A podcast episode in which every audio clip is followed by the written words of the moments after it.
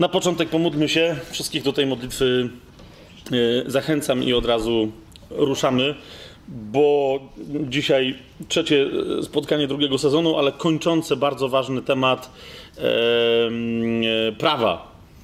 Prawa Starego Przymierza i związku tegoż prawa Starego Przymierza z Nowym Przymierzem i z, i z prawem Nowego Przymierza. To, że ten temat kończymy, to nie, ja nie chcę absolutnie w ten sposób powiedzieć, że, że my ten temat wyczerpujemy jakkolwiek. Niemniej, ze względu na e, dobro naszego planu na tajemny plan, czyli żebyśmy w ciągu czterech sezonów e, rzeczywiście całą Biblię zdążyli sobie opowiedzieć i, i z grubsza najważniejsze tematy postudiować, no to dzisiaj temat prawa mojżeszowego, które podsumowuje całe prawo e, Starego Przymierza, będziemy kończyć. Dobry Ojcze, pięknie dziękuję Ci. Dzisiaj, kiedy będziemy rozważać. Wejdź, wejdź, wejdź, wejdź. Dobry Ojcze, dziękuję Ci. Dzisiaj, kiedy będziemy rozważać temat prawa, który zawsze w jakiś sposób oznacza e, naszą relację z Tobą, jak bliska ona jest, jak dobra ona jest Najpierw dziękuję Ci za to, że niezależnie od tego, co się w naszych umysłach i w naszych e, sercach z różnych powodów dzieje, jako nowonarodzeni przez krew Chrystusa, tąż samą mocą mamy śmiały przystęp do Ciebie i to jest najważniejsze. Niezależnie od tego, jak wierni jesteśmy w nowym życiu e, i z czym musimy się zmagać, przez Twoją krew, o czym nas Twoje słowo zapewnia i co nam gwarantuje, przez krew Chrystusa mamy, mamy do Ciebie przystęp, Ojcze. Śmiały przystęp. Udowadniasz nam to cały czas, posyłając do naszych serc swojego świętego ducha, który w nas woła do Ciebie, Abba, Tato, Ojcze, i dzięki niemu my też coraz bardziej ośmielamy się nie tylko po prostu tak Cię nazywać, ale mówić tak do Ciebie, dlatego że tak czujemy. Dzisiaj, Panie, prosimy Cię, żebyś w mocy tego swojego świętego ducha, w mocy imienia Jezus, objawiał nam, choć będziemy znowu trudnych rzeczy dotykać, objawiał nam prawdę o sobie, o tym, co Ty myślisz o nas i w jakiej kondycji prawdziwie my, jako ludzie żyjący pod Nowym Przymierzem, się znajdujemy. Jak, jak wielką chwałą, nadzieją na dziś i na przyszłość możemy się cały czas karmić który żyjesz i który królujesz w naszych sercach. Amen.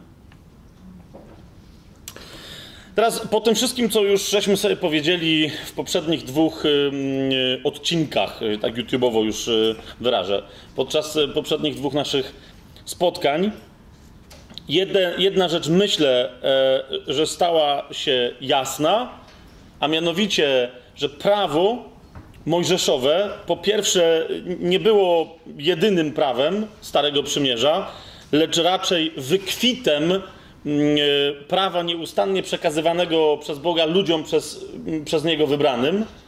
E, Tora wyraźnie świadczy na przykład o tym, że, że, że prawem było e, to, co nakazał Bóg Adamowi, w Edenie, a więc to jest pierwsze prawo. Później wiemy o tym, że, że jakieś prawo, e, nie wiem na czym ono polegało do końca, ale że jakieś prawo szczegółowe wypełniał przed e, Bogiem Abraham.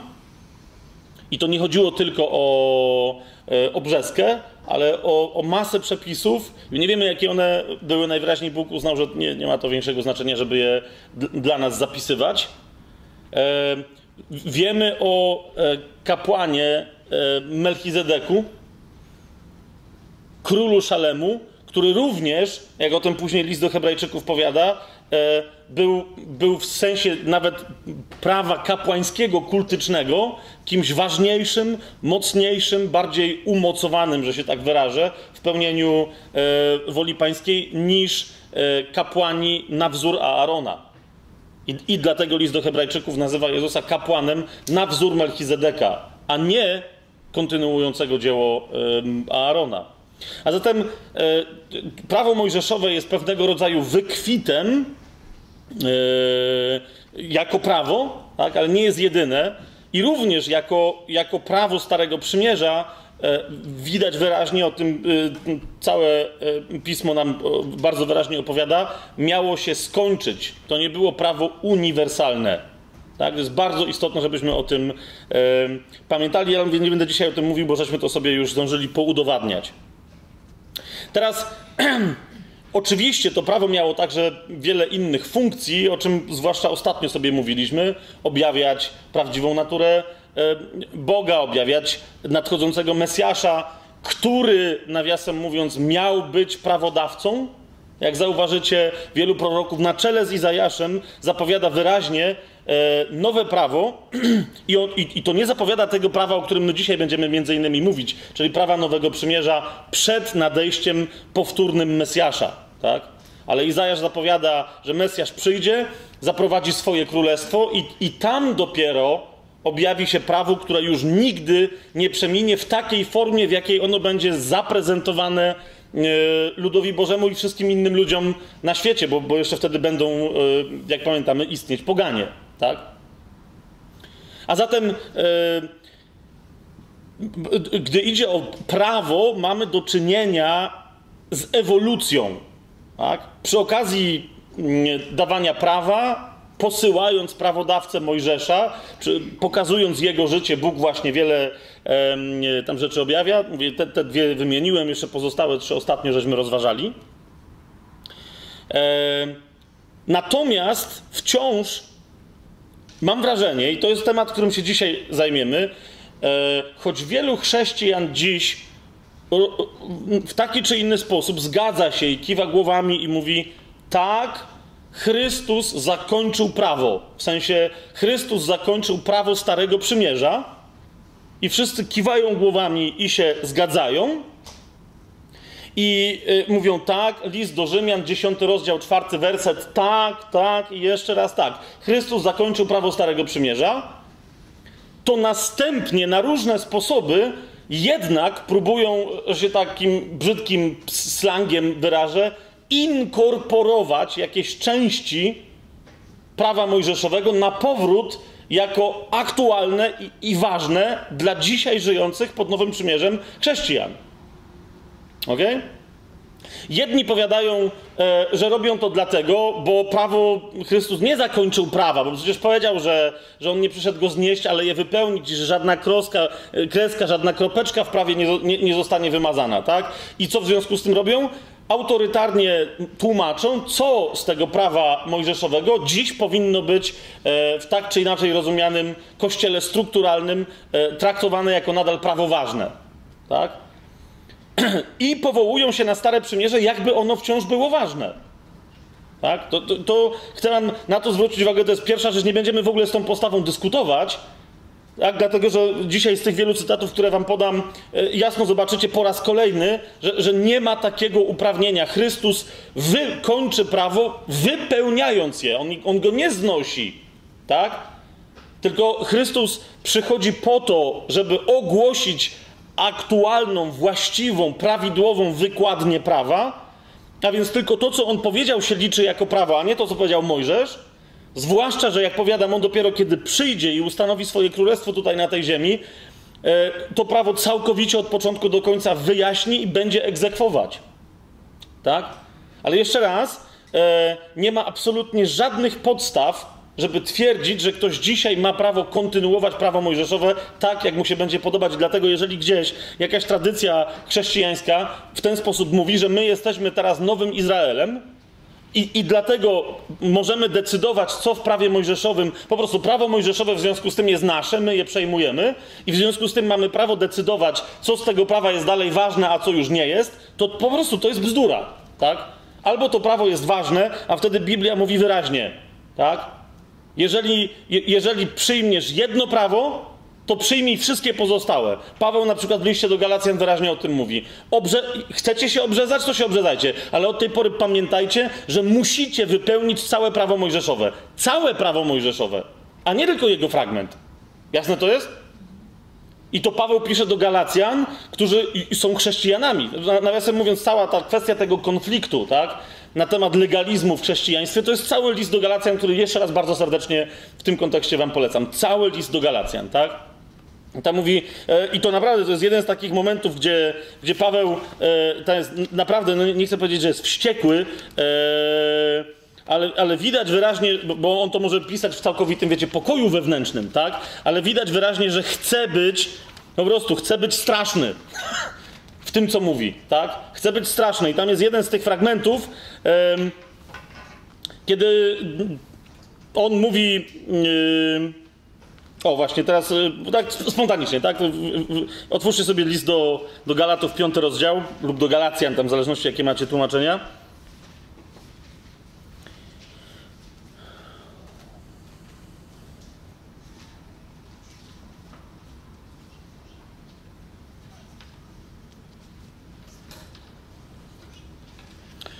E, list do Galacjan, piąty rozdział. E, e, zobaczcie sobie trzeci werset, tak?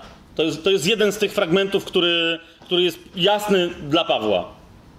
A oświadczam raz jeszcze każdemu człowiekowi, który daje się obrzezać, że powinien cały zakon wypełnić. Teraz chodzi o to, że jeżeli ktoś przyjmuje jakiś jeden fragment, tak, prawa mojżeszowego, nieważne jaki, na przykład obrzezanie, tak, nieważne jaki, na przykład obrzezanie, to w, ale po prostu przyjmuje go dlatego, że mówi, ta cząsteczka, ta drobniutka cząsteczka prawa mojżeszowego jednak jest ważna, dalej, to mówi, to w takim razie musisz wypełnić cały zakon. E, oświadczam raz jeszcze każdemu człowiekowi, który daje się obrzezać, że powinien cały zakon wypełnić. A więc jeżeli na przykład ktoś mówi, że nie zabijaj, nie kradnij i tak dalej, że to są przykazania i one nadal są ważne, to nadal to również oznacza, je, teraz nie mówię, że my chrześcijanie ich nie, nie uznajemy, tak? Tylko one u nas wynikają z innego autorytetu, nie z autorytetu prawa mojżeszowego. Bo znów, gdyby tak było, to w tym samym dekalogu, w którym jest napisane, napisane nie zabijaj, nie kradnij, e, nie cudzołóż, tam jest też na przykład napisane pamiętaj, żebyś święcił szabat, który jest w sobotę, a nie w niedzielę, więc większość denominacji chrześcijańskich zaczęłaby mieć problem. Rozumiecie, tak? Gdyby powiedzieli, że, że tam już nie chodzi nawet o wypełnienie całego prawa. Niektórzy mówią, nie całe prawo, tylko dekalog jest ważny. No to w tym dekalogu masz problem, tak? Bo świętujesz prawdopodobnie w niedzielę. Kościół katolicki, no również Kościół prawosławny, również parę innych kościołów protestanckich również mogą mieć problem, bo w tymże samym dekalogu, w którym jest napisane nie zabijaj, nie kradnij i tak dalej, jest także napisane nie będziesz sobie czynił żadnego podobieństwa, żeby przy jego pomocy wykonywać kult, tak? Żadnego podobieństwa, ani tego, co jest na niebie, ani tego, co jest na ziemi, ani tego, co jest pod ziemią, żadnego podobieństwa. Więc tam nie może być zwierzęcia, człowieka, anioła, nikogo takiego. No i znowu jest problem, tak? No bo co zrobisz wtedy yy, yy, z obrazami? Na przykład prawosławni mówią, że, yy, że oni nie mają rzeźb, no ale mają obrazy, tak? No więc, jeszcze raz, jeżeli gdzieś tam jest jaka, jakikolwiek autorytet i ważność, jeszcze raz Paweł mówi, to musisz wykonać całe prawo. Tak? A już niektórzy mieliby problem z samym autentycznym dekalogiem, a nie tym, co dzisiaj ktoś przedstawia jako dekalog, manipulując tam zapisami, tak? Czasem, że jeszcze dalej sobie spontanicznie em, pójdziemy, czasem niektórzy się powołują na Jakuba, e, więc jak sobie Jakuba otworzycie list, że znaczy niektórzy się powołują, że to, tylko, że, że to tylko Paweł tak rozumiał prawo, bo był faryzeuszem, tak? Jakub, brat pański, y, również tak prawo rozumiał, tak? No mówię, y, nie miałem o tym za, za specjalnie się opowiadać, ale, ale wskażmy na to wyraźnie, tak? Otwórzcie sobie list Jakuba, drugi rozdział, dziesiąty werset. Zobaczcie, i to jest Jakub, który nie ma całej tej Pawłowej teologii, wolności w Chrystusie. On się tym w ogóle nie zajmował. Jeden list napisał, wszystko gra, tak? I był dobrym przełożonym, y, dobrym starszym jednego e, ze zborów bożych, tak? I teraz zobaczcie, co się dzieje. Drugi rozdział, dziesiąty werset. Jakub ma dokładnie takie samo rozumienie, nie ma żadnego innego. Drugi rozdział, dziesiąty werset. Ktokolwiek bowiem zachowa cały zakon, chodzi oczywiście o, o zakon mojżeszowy, a uchybi w jednym przepisie, tak, w jednym przekazaniu, stanie się winnym wszystkiego. I teraz zauważcie, Jakubowi w ogóle nie chodzi o obrzeskę, bo niektórzy mówią, że to się Paweł tylko rzucał w kontekście obrzezania. Po pierwsze, obrzezanie w ogóle e, jest przecież starszym przepisem niż mojżeszowym, no to wszyscy doskonale wiemy, tak? O, od Abrahama się bierze. A tu zobaczcie, Jakub w ogóle mówi o innych przykazaniach, tak? Jed- Drugi rozdział, jedenasty werset Jakubowy, zobaczcie. Bo ten, który powiedział, nie cudzołóż, powiedział też, nie zabijaj. Jeżeli więc nie cudzołożysz, ale zabijasz, jesteś przestępcą zakonu. Po prostu. Całego zakonu. Tak? Jeszcze raz, dziesiąty werset. Ktokolwiek bowiem zachowa cały zakon, a uchybi w jednym tylko i tak stanie się winnym wszystkiego. Mamy jasność co do tej kwestii? A zatem jeszcze raz, jak sobie otworzycie list do Rzymian, aha, i teraz jeszcze, bo, to, to, to żeśmy zakończyli, tak? Jeżeli jest w dziesiątym rozdziale listu do Rzymian, to sobie tam zobaczcie, w czwartym wersecie napisane, albowiem końcem zakonu jest Chrystus, końcem prawa jest Chrystus, aby był usprawiedliwiony każdy, kto wierzy, to to oznacza, że naprawdę pod każdym względem Chrystus jest końcem prawa mojżeszowego. Kropka. Całego. Natomiast niektórzy powiadają, no że, no, że dobrze, tak, ale jednak istnieje parę innych fragmentów, między innymi e, no, na tam pewien fragment z Jakuba, do którego ja się teraz odwołałem, e, wskazują, ale też no, parę innych, gdzie mówią, że no dobra, ale przecież jest wyraźnie powiedziane, okay, bardzo wyraźnie powiedziane w wielu miejscach w Nowym Przymierzu, że wypełnianie przykazań jest radością Boga i jest wolą Bożą, żeby chrześcijanie wypełniali przykazania. Teraz, ponieważ e, Pan Jezus w odróżnieniu od Mojżesza nie wlazł na żadną górę, nie napisał osobiście kolejnych dwóch tablic e, i po prostu nie zostawił nam żadnego prawa, w sensie takim, że żeby powiedzieć, że to czy tam, znaczy to nie do końca jest prawdą, tak, ale w sensie kodyfikacji, rozumiecie? Nie zostawił nam kodyfikacji praw, w związku z tym niektórzy powiadają, więc jeżeli w Nowym Testamencie jest mowa o tym, że chrześcijanin jednak ma przestrzegać przykazań, no to najwyraźniej chyba jednak jakieś muszą być z tego starego przymierza wzięte. Okej, okay. prawo mojżeszowe nie działa, ale być może Bóg tam poprzemycał masę istotnych dla życia człowieka, dla życia wiecznego przepisów. Tak? I teraz, co jest interesujące, powołują się na wiele fragmentów, ale zwłaszcza na jeden z trzeciej księgi Mojżeszowej, który, e, który mówi o tym, że, że człowiek żyje przez wypełnianie prawa. Tak? E, czy wiecie, co mnie bawi? E, e, od razu to muszę rozjaśnić. Dlatego, że bardzo mało osób z tych, ale skomentuję to, nawet jeżeli to zabrzmi troszkę złośliwie.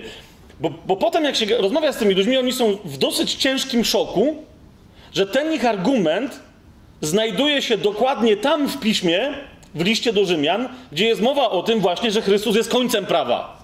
I oni są wtedy lekko zaszokowani, że dokładnie wers dalej, czyli w dziesiątym rozdziale, w piątym wersecie, Paweł dokładnie się powołuje na to i wcale go to nie porusza. Zobaczcie, e, list do Rzymian, dziesiąty rozdział, e, czwarty werset. Paweł mówi, albowiem końcem zakonu jest Chrystus, aby był usprawiedliwiony każdy, kto wierzy.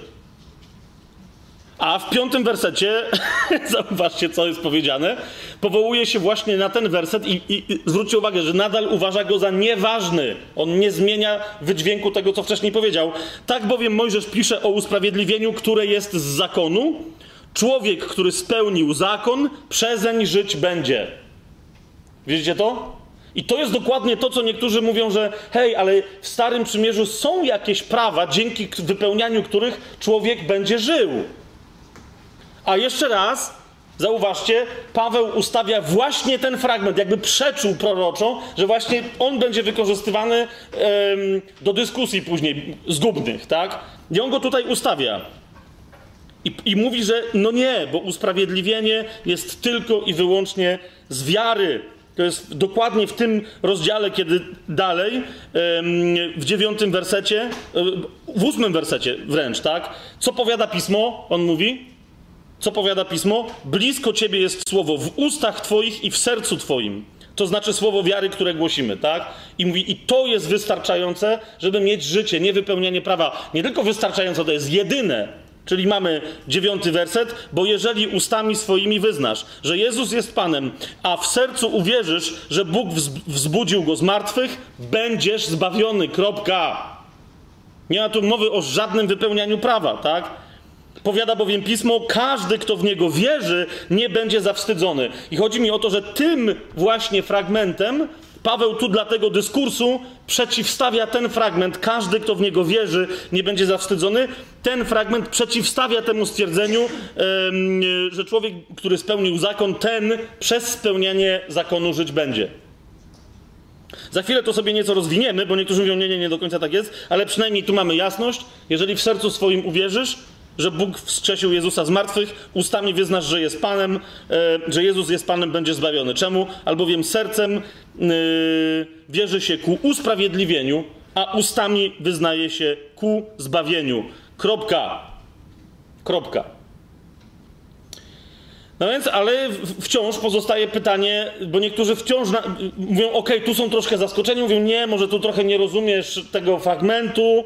I teraz uważajcie, powołują się na przykład, to jest bardzo ważne i zróbmy to, tak? Powołują się na Ewangelię Mateusza, bo mówią, otwórzmy Ewangelię Mateusza, 19 rozdział. Otwórzmy Ewangelię Mateusza, 19 rozdział. Mówią, e, dobra, Paweł Pawłem, tu jeszcze jest takie rozważanie, ono niby jest jasne, ale okej, okay, ale przecież Pan Jezus też na ten temat się wypowiadał. I nie tylko we fragmencie, że e, on nie przyszedł prawa e, znieść, ale przyszedł je wypełnić, bo jest, jest parę innych. No i ten e, często powraca, tak? A mianowicie Mateusz 19, rozdział 16, werset do 19, do 19, niech będzie. Zobaczcie. I oto ktoś przystąpił do niego, w sensie do Jezusa, i rzekł: Nauczycielu, co dobrego mam czynić, aby osiągnąć żywot wieczny? Tak? I niektórzy powiadają: No, pytanie brzmi, co dobrego mam czynić, aby osiągnąć żywot wieczny? A, a zatem, skoro Pan Jezus e, nie neguje tego pytania samego w sobie, bo, bo za chwilę wygląda na to, że Pan Jezus go nie neguje, to znaczy, że można osiągnąć żywot wieczny jednak przez pełnienie prawa. Że, no przecież ci Żydzi jakoś się zbawiali. No ten go pyta, co dobrego mam czynić, aby osiągnąć żywot wieczny. A Jezus mu odrzekł: Czemu pytasz mnie o to, co dobre? Jeden jest tylko dobry Bóg, a jeżeli chcesz wejść do żywota, przestrzegaj przykazań. Mówi mu, których? A Jezus rzekł: Tych. Nie zabijaj, nie cudzołóż, nie kradnij, nie mów fałszywego świadectwa, czcij ojca i matkę i miłuj bliźniego swego jak siebie samego. Odpowiedział mu, odpowiedział. Niektórzy mówią, no to czyli widzisz, tak? Jakoś Pan Jezus to nie wymyślił swoich przekazań, tylko jednak dał kodyfikacji, to jeszcze zacytował Mojżesza. I stąd, jak sobie otworzycie pierwszy list Jana, że was yy, z zadumy nad Ewangelią Mateusza na chwilę wyrwę. Jak sobie otworzycie pierwszy list yy, Janowy, yy, drugi werset, to niektórzy mówią, no przecież to jest wobec tego jasne. Mamy Jana, który pisze jeszcze później niż Paweł, tak? Pierwszy list świętego Jana, drugi rozdział, zobaczcie, trzeci i czwarty werset. No i wtedy on mówią, no przecież ej, Jan to pisze do wierzących, tak? No tak. No to co on tutaj napisał? A z tego wiemy, że go znamy, jeżeli przykazania jego zachowujemy. Kto mówi znam go, a przykazań jego nie zachowuje, kłamcą jest i prawdy w nim nie ma. I otwórzcie sobie jeszcze piąty rozdział pierwszego listu Janowego, piąty rozdział, trzeci werset, który już mówi taką rzecz, no po tym jeszcze jak Pana Jezusa sobie zacytowaliśmy, który cytuje Mojżesza, że powinien teoretycznie nie zostawić nam żadnych wątpliwości. To jest pierwszy list Janowy, dalej jesteśmy w nim, piąty rozdział, trzeci werset. Na tym bowiem polega miłość ku Bogu, że się przestrzega przykazań Jego, a przykazania Jego nie są uciążliwe. Na tym polega miłość ku Bogu, że się przestrzega przykazań Jego, a przykazania Jego nie są uciążliwe. Więc teraz jeszcze raz otwórzmy sobie trzeci, e, trzecią księgę Mojżeszową, czyli e, to będzie mm, w niektórych tłumaczeniach księga kapłańska. Trzecią Mojżeszową, otwórzcie sobie 18 rozdział, piąty werset. Bo wtedy naprawdę czytasz, jak czytasz od początku, a to jest to, co my teraz robimy, no to tam serce ci zadrży. Jak pamiętasz o tych argumentach z Ewangelii Mateusza, z pierwszego Janowego, tak? 18 rozdział 5, werset 3 Mojżeszowej. I zobaczcie, jaki tam jest kontekst. Rzeczywiście to jest dokładnie to, troszeczkę inaczej Paweł tu po grecku cytuje, ale to jest dokładnie to. Przepisów moich i praw moich przestrzegajcie. Człowiek, który je wykonuje, żyje przez nie. I ja jestem Pan. Człowiek, który je wykonuje, żyje przez nie. Ja jestem Pan.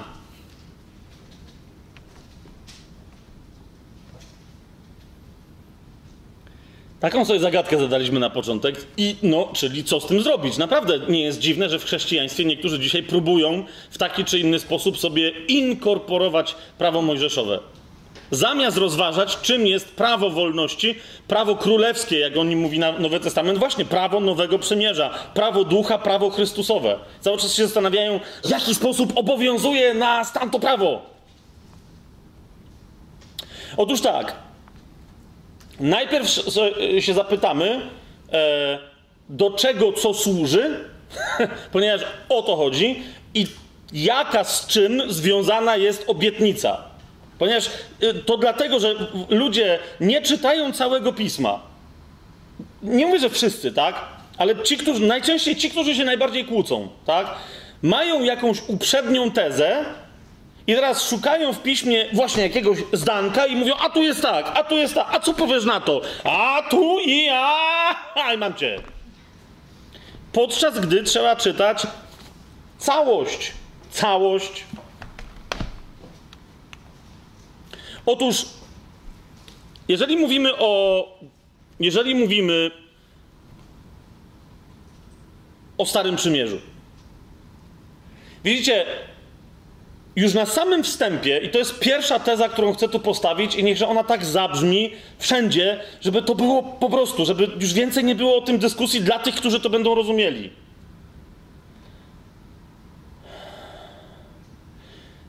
Kwestia dzisiejszego rozumienia prawa i wynikającego z niego życia jest dlatego, prawa mojżeszowego jest dlatego idiotyczna, ponieważ masa ludzi myli dwa różnego rodzaju życia.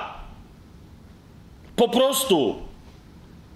Mianowicie, dzisiaj wszyscy, jak mówią, że przez prawo będziesz żyć, dzięki prawu masz życie, myślą podświadomie, będziesz mieć życie wieczne. Ok? A teraz uwaga. Tora w żadnym miejscu ani połową słowa nie mówi niczego w ogóle na temat życia wiecznego. Rozumiecie o co chodzi? Krótko mówiąc, dyskusja to, to jest coś, co w historii yy, nazywa się błędem archaizmu. Tak? Czyli, że my przypisujemy na przykład intencje komuś z zamieszłych czasów, takie, e, jakie, by, jakie my byśmy dzisiaj mieli w dzisiejszych okolicznościach, a okoliczności były inne. Tak? Krótko mówiąc, prawo zostało dane Izraelitom i wraz z nim Bóg związał błogosławieństwo, ale nigdzie ani połową słowa nie obiecał, że to błogosławieństwo będzie oznaczać zbawienie, nigdzie, ani że to będzie oznaczać życie wieczne. Na tym polega cała historia. Krótko mówiąc, jeżeli w trzeciej Mojżeszowej, w 18 rozdziale, w piątym wersecie mówi przepisów moich i praw moich przestrzegajcie, człowiek, który je wyko wykonuje, żyje przeze mnie, mówi wyraźnie o tym, że żyje w sensie fizycznym, w tym doczesnym świecie tutaj, w tym jego doczesnym ciele. Otwórzcie sobie e, piątą Mojżeszową, czyli idźmy e, troszeczkę dalej.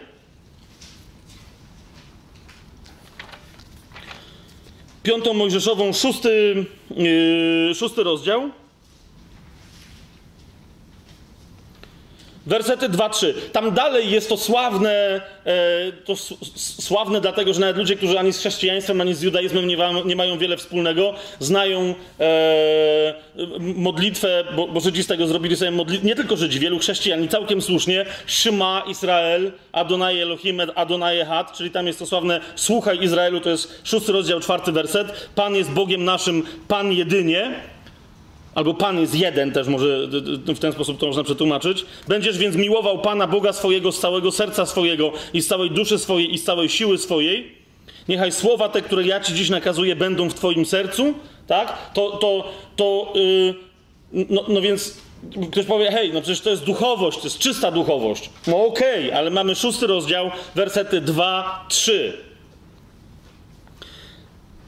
Yy, nawet od, od, pierwszego wersetu, żeby to było jasne w całości, tak? A to są przykazania, ustawy i prawa, których Pan, wasz Bóg, nakazał was uczyć, abyście je pełnili w ziemi, do której się przeprawiacie, aby ją posiąść, tak? Przykazania, ustawy i prawa. Całość prawa Starego Przymierza, Starego Testamentu, zwłaszcza Mojżeszowego, tak? I teraz jest drugi werset. Po co są dane te prawa? Abyś był przejęty czcią dla Pana Boga Twojego, przestrzegając po wszystkie dni Twego życia wszystkich Jego ustaw i przykazań, które ja dziś nakazuję Tobie, Twoim synom i wnukom, i abyś żył długo. I trzeci werset: Słuchaj ich, Izraelu, i starannie je wykonuj, aby ci się dobrze powodziło. I abyście się rozmnożyli bardzo w ziemi opływającej w mleko i miód, jak ci przyrzekł Pan, Bóg Twoich ojców. Krótko mówiąc, życie, jak na przykład Bóg mówi, kładę przed Tobą życie i śmierć, błogosławieństwo i przekleństwo. Co to oznacza? Życie i błogosławieństwo oznaczają długie życie i obfitość dóbr, dobrobyt materialny. To jest to, co Pan ma na myśli, kiedy mówi, że za przestrzeganie tego prawa, które Wam daje, ja Wam to właśnie gwarantuję. Nigdzie nie ma ani jednego miejsca, w którym Bóg by mówił o zbawieniu lub udzielałby obietnicy życia wiecznego. Chociaż wciąż, i to jest bardzo istotne, bo widzicie, e, tu się pojawia pierwsza rzecz, która, o której niektórzy mówią, a zatem są jednak takie dziedziny w życiu człowieka wierzącego, jakkolwiek, ale który wierzy w Jachwę, jakkolwiek by nie wierzył, ale który wierzy w Jachwę, a zatem są takie dziedziny, w ramach których, żeby otrzymać błogosławieństwo, trzeba wypełniać jakieś prawo.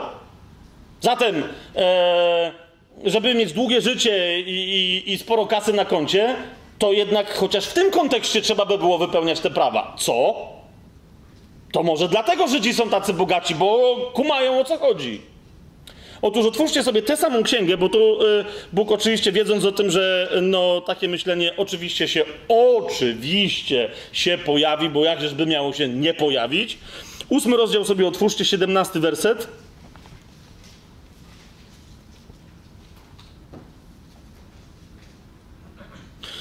Albo nawet bym powiedział jedenasty werset, bo tam to naprawdę bardzo wyraźnie widać, tak? To jest ósmy rozdział, E, widzicie, po tych błogosławieństwach, tak, że ja ci pobłogosławię, żebyś długo żył i, i dużo miał, i super rzeczy, tak? Ósmy rozdział, zobaczcie, jedenasty werset.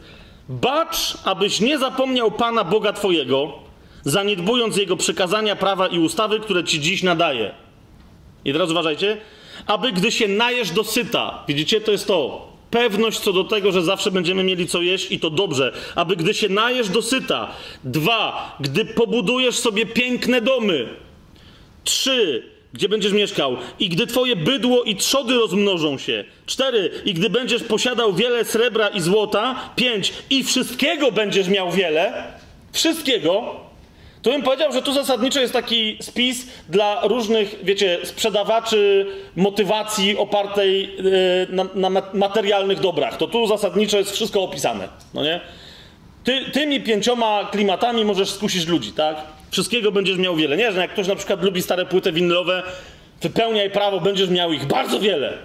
Będziesz mieszkać w pięknych domach, będziesz mieć piękną żonę lub siedem, bo jak lubisz żony, będziesz miał ich bardzo wiele i tak dalej. I teraz co? Ale tam jest bacz, tak? Bacz, aby gdy się już to wszystko stanie i, i dostaniesz dosyta wszystkiego, zobaczcie, czternasty werset, aby serce twoje nie stało się wyniosłe, oraz abyś nie zapomniał Pana Boga Twojego, który Cię wyprowadził z ziemi egipskiej z domu niewoli. I teraz przeskoczmy do 17 wersetu. Po co Bóg to mówi? Abyś nie powiedział czasem w swoim sercu, to moja moc i siła mojej ręki zdobyła mi to bogactwo. I teraz nieważne, Rozumiesz, czy to, czy to, to była Twoja złośliwość, to, był, to była Twoja siła, Twoja śmiałość, odwaga, do odważnych świat należy, czy też to była Twoja pobożność, a więc wypełnianie całego prawa mojżeszowego. Bóg mówi wyraźnie, nic z tego, co Ty robisz, nie zapewniło Ci tego błogosławieństwa. Abyś nie mówił w swoim sercu, moja moc i siła mojej ręki zdobyła mi to bogactwo. Pamiętaj, 18 werset, że to Pan, Bóg Twój, uważajcie, daje ci siłę do zdobywania bogactwa. A więc tak, no to nie chodzi o przestrzeganie czy nieprzestrzeganie prawa. Bóg jest dobry, Bóg wkłada w twoje serce siłę, możesz to robić, ale pamiętaj, uzyskując bogactwo, to, że możesz je mnożyć w swoim życiu, to jest łaska od Pana. Pamiętaj, że to Pan, Bóg Twój daje Ci siłę do zdobywania bogactwa.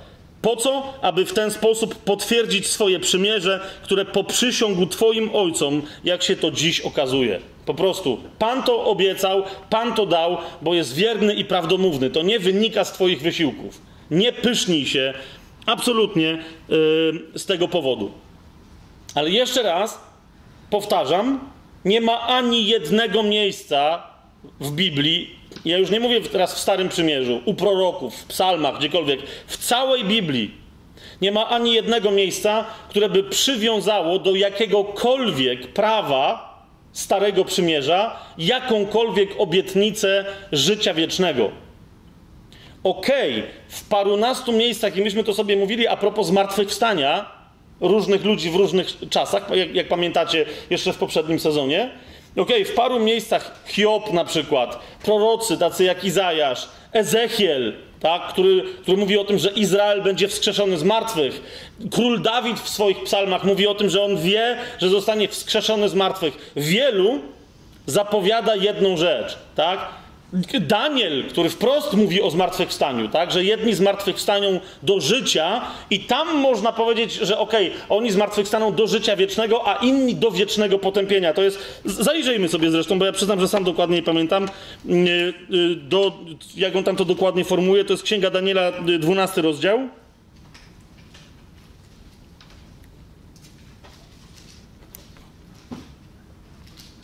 A okej. Okay.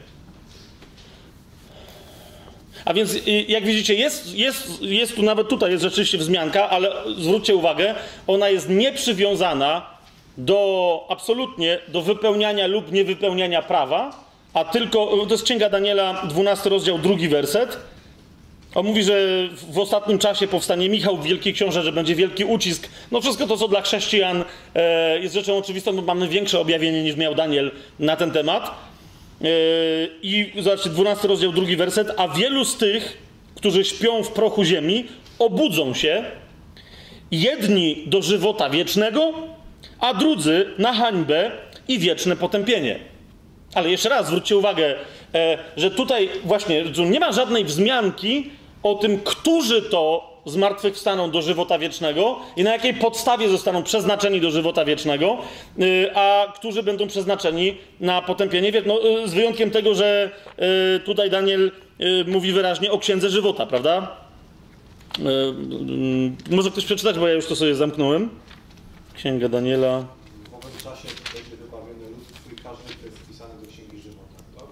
Tak, w owym to czasie wybawiony, tak, będzie lud twój, każdy, kto jest wpisany do Księgi Żywota. Ale znowu jest pytanie, kto będzie wpisany do Księgi Żywota. Tak? Więc widzicie, koncept życia wiecznego istniał w Starym Przymierzu i myśmy sobie o tym mówili. Koncept zmartwychwstania także i dlatego, i dlatego młodzieniec, bo niektórzy powiadają, że to Pan Jezus objawił y, fakt życia wiecznego. No, Pan Jezus go nie objawił, tak? Pan Jezus objawił, w jaki sposób to życie wieczne się pozyskuje. Natomiast Natomiast, e, e, natomiast, więc koncept istniał, ale widzicie, koncept ten, że życie wieczne to jest nagroda za wypełnienie jakiegoś prawa i jakichś uczynków, to jest koncept uczonych w piśmie i faryzeuszy, uczonych w piśmie związanych z faryzeuszami. Jasne?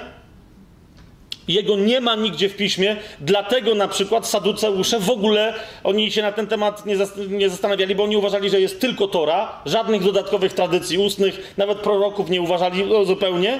I mówili, Tora mówi, w jaki sposób mamy tutaj żyć i jak się mamy dobrze mieć. Tyle, trzeba wypełniać prawo, żeby było fajnie, ale życie wieczne, o czym w ogóle jest gadka?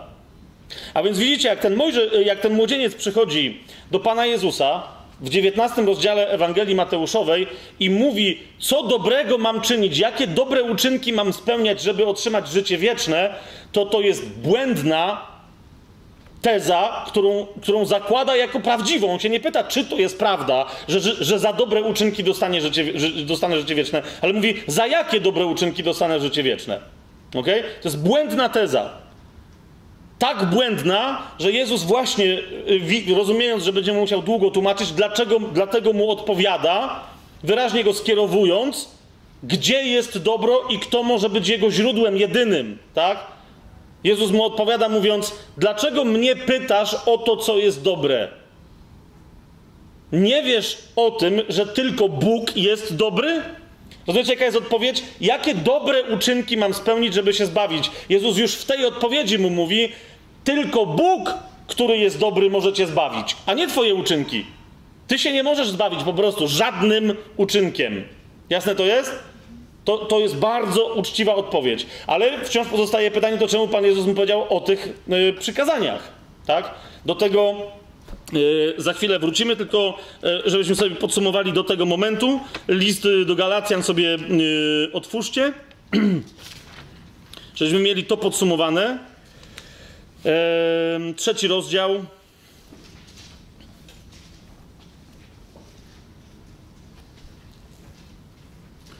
List do Galacjan, trzeci rozdział, yy, wersety 10 i 11. Tak? Tam było wyraźnie w, list, w liście do Rzymian powiedziane yy, bardzo wyraźnie, że, że Chrystus jest końcem prawa. Tu jest inaczej, yy, z innej strony to samo powiedziane i tu konsekwencje tego, co tu jest powiedziane. List do Galacjan, trzeci rozdział, wersety 10-11. Wszyscy, którzy polegają na uczynkach zakonu, są pod przekleństwem żeby, żeby to było do końca zrozumiałe. To nie jest tak, że się nie zbawią. W sensie, że, że czy będziemy się zastanawiać, czy oni za wypełnianie prawa mają życie wieczne. Paweł mówi wyraźnie, mają przekleństwo, a nie życie wieczne. Wszyscy, którzy polegają na uczynkach zakonu, są pod przekleństwem. Napisano bowiem: Przeklęty każdy, kto nie wytrwa w pełnieniu wszystkiego, co jest napisane w księdze zakonu. Tak? I w związku z tym werset 11: A że przez zakon nikt nie zostaje usprawiedliwiony przed Bogiem, to rzecz oczywista. Przez zakon nikt nie zostaje usprawiedliwiony przed Bogiem. To jest rzecz oczywista. Jasne to jest? Oczywiście mamy teraz y, w związku z tym sporo pytań, no to w takim razie po co w ogóle było dawać to prawo i ci wszyscy tam nie przestrzegali? Poza tym, że ono w sobie wiele miało objawień na temat czasu przyszłego tak? Na temat Boga, Mesjasza, Kościoła itd., tak itd. Tak to, ale to po co ci, ci wszyscy ludzie musieli przez to przejść? Zaraz sobie na to pytanie odpowiemy. Jedno tylko chcę, żebyśmy pamiętali, tak? To, że, że istnieje jakieś życie wieczne, to przed Mojżeszem wielu wiedziało, E, świadectwem tego jest chociażby Księga Hioba, w której w wielu miejscach jest powiedziane, mój, w jednym miejscu jest powiedziane, wyzwoliciel mój żyje, tam Hiob powiada, tak?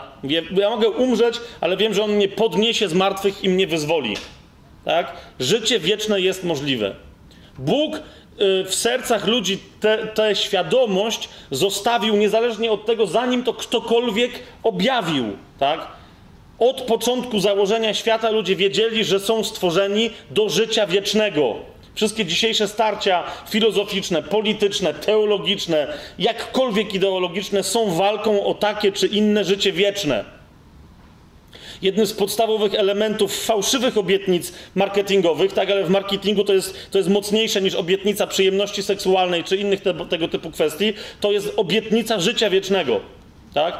Ona jest czasem zawoalowana pod postacią e, obietnicy zachowania jak najdłużej młodego wyglądu i tak dalej, ale tylko wtedy te, te reklamy są skuteczne, kiedy mówią, to będzie dla ciebie oznaczać jakby życie wieczne. Tak? Jest, jest, wiele także obserwacji psychologicznych, ja teraz, bo to nie jest psychologiczny wykład, więc nie będę o tym mówił, tak? Ale to jest potężny drive, którym jeżeli odpowiednio się posłużyć w reklamie, jest dla wielu ludzi prawie, że nie do odparcia. Obietnica życia wiecznego. Otwórzcie sobie,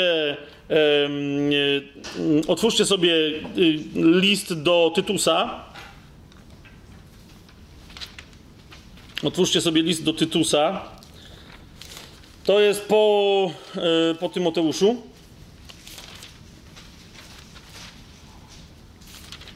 A zaś przed Filemonem. Jest paru takich profesjonalnych zawodników. Tymoteusz, Tytus i Filemon. E, list do Tytusa, zwróćcie uwagę, zaraz na samym początku. To, to, jest to, dlaczego znów niektórym mówię, czytajcie genealogii w Biblii, ale też czytajcie pozdrowienia na początku listów na przykład. Tak mówią, że a, to jest taki grzecznościowy zwrot. A czasem bardzo poważne prawdy w tych niby grzecznościowych zwrotach e, są przekazywane. Tak jest między innymi właśnie w liście e, świętego Pawła do Tytusa. E, pierwszy rozdział, wersety 1-3. Zwróćcie uwagę.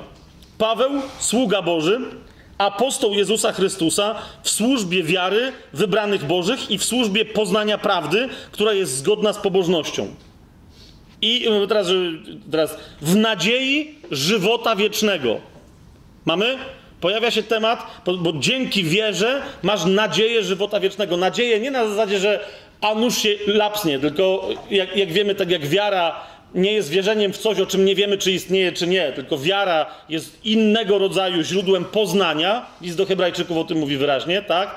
Że, że przez wiarę poznajemy rzeczy, których nie widzimy, ale je poznajemy. Poznajemy je niezmysłowo. Tak samo nadzieja nie jest czymś, co my po polsku nazywamy płonną nadzieją, ale nadzieja jest pewnością otrzymania tych dóbr, które przez wiarę widzimy, a jeszcze ich nie mamy. Jasne to jest? Więc jak on mówi, że jest apostołem w służbie wiary wybranych Bożych, w nadziei żywota wiecznego, ale teraz przy okazji zwróćcie uwagę, jakby tak rzuca tak jak z rękawa, tak jakby to było oczywiste, a dzisiaj dla tak wielu wierzących nie jest. On mówi w nadziei żywota wiecznego, uwaga, przyobiecanego przed dawnymi wiekami przez prawdomównego Boga. Tutaj w oryginale po grecku jest takie sformułowanie, które mówi nie przed dawnymi wiekami, ale przed, yy, przed, przed całym czasem. Przed czasem wieków tam jest z tego, co pamiętam e, po grecku powiedziane, czyli w ogóle u zarania dziejów, tak? Yy, została przyobiecana, przyobiecane to życie wieczne, ale uważajcie, a objawionego we właściwym czasie w słowie zwiastowania, które zostało mi powierzone z Boga, z rozkazu Boga Zbawiciela naszego. A zatem ma, tu, tu masz pierwszą informację, która mówi, życie wieczne było obiecane od zawsze i ludzie te obietnice w sobie noszą, tak? Ale wcale do momentu objawienia ludziom woli Bożej przez zwiastowanie Słowa Bożego od czasów Chrystusa wcale nikt nie wiedział, jak się go pozyskuje, a na pewno nie ci, którzy twierdzili, że przez wypełnianie prawa. Jasne to jest? Otwórzmy sobie wobec tego drugi do Tymoteusza, czyli cofnijmy, to jest, to jest ten przed listem do, e, do Tytusa. I też na początku, to nie będzie samo zaraz początek, ale pierwszy rozdział.